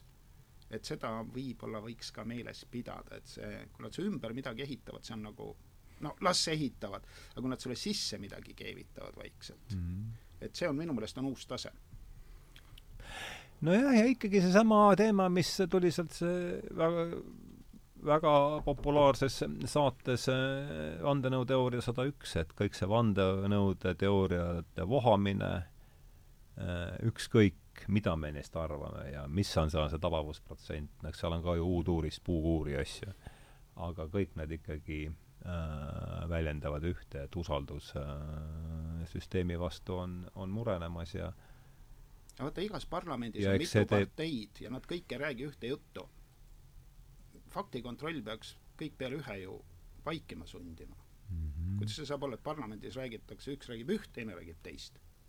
kus on faktikontroll? üks neist peab ju valetama, noh. üks ütleb, et kommunism viib helge teeni, teine ütleb, et kristlus, noh. üks valetab ilmselgelt ma tahaks no, äh, äh, öelda lihtsalt mingit, midagi positiivset ka. et sellega oleks hea lõpetada. esimene, kolm positiivset, kolm positiivset uudist.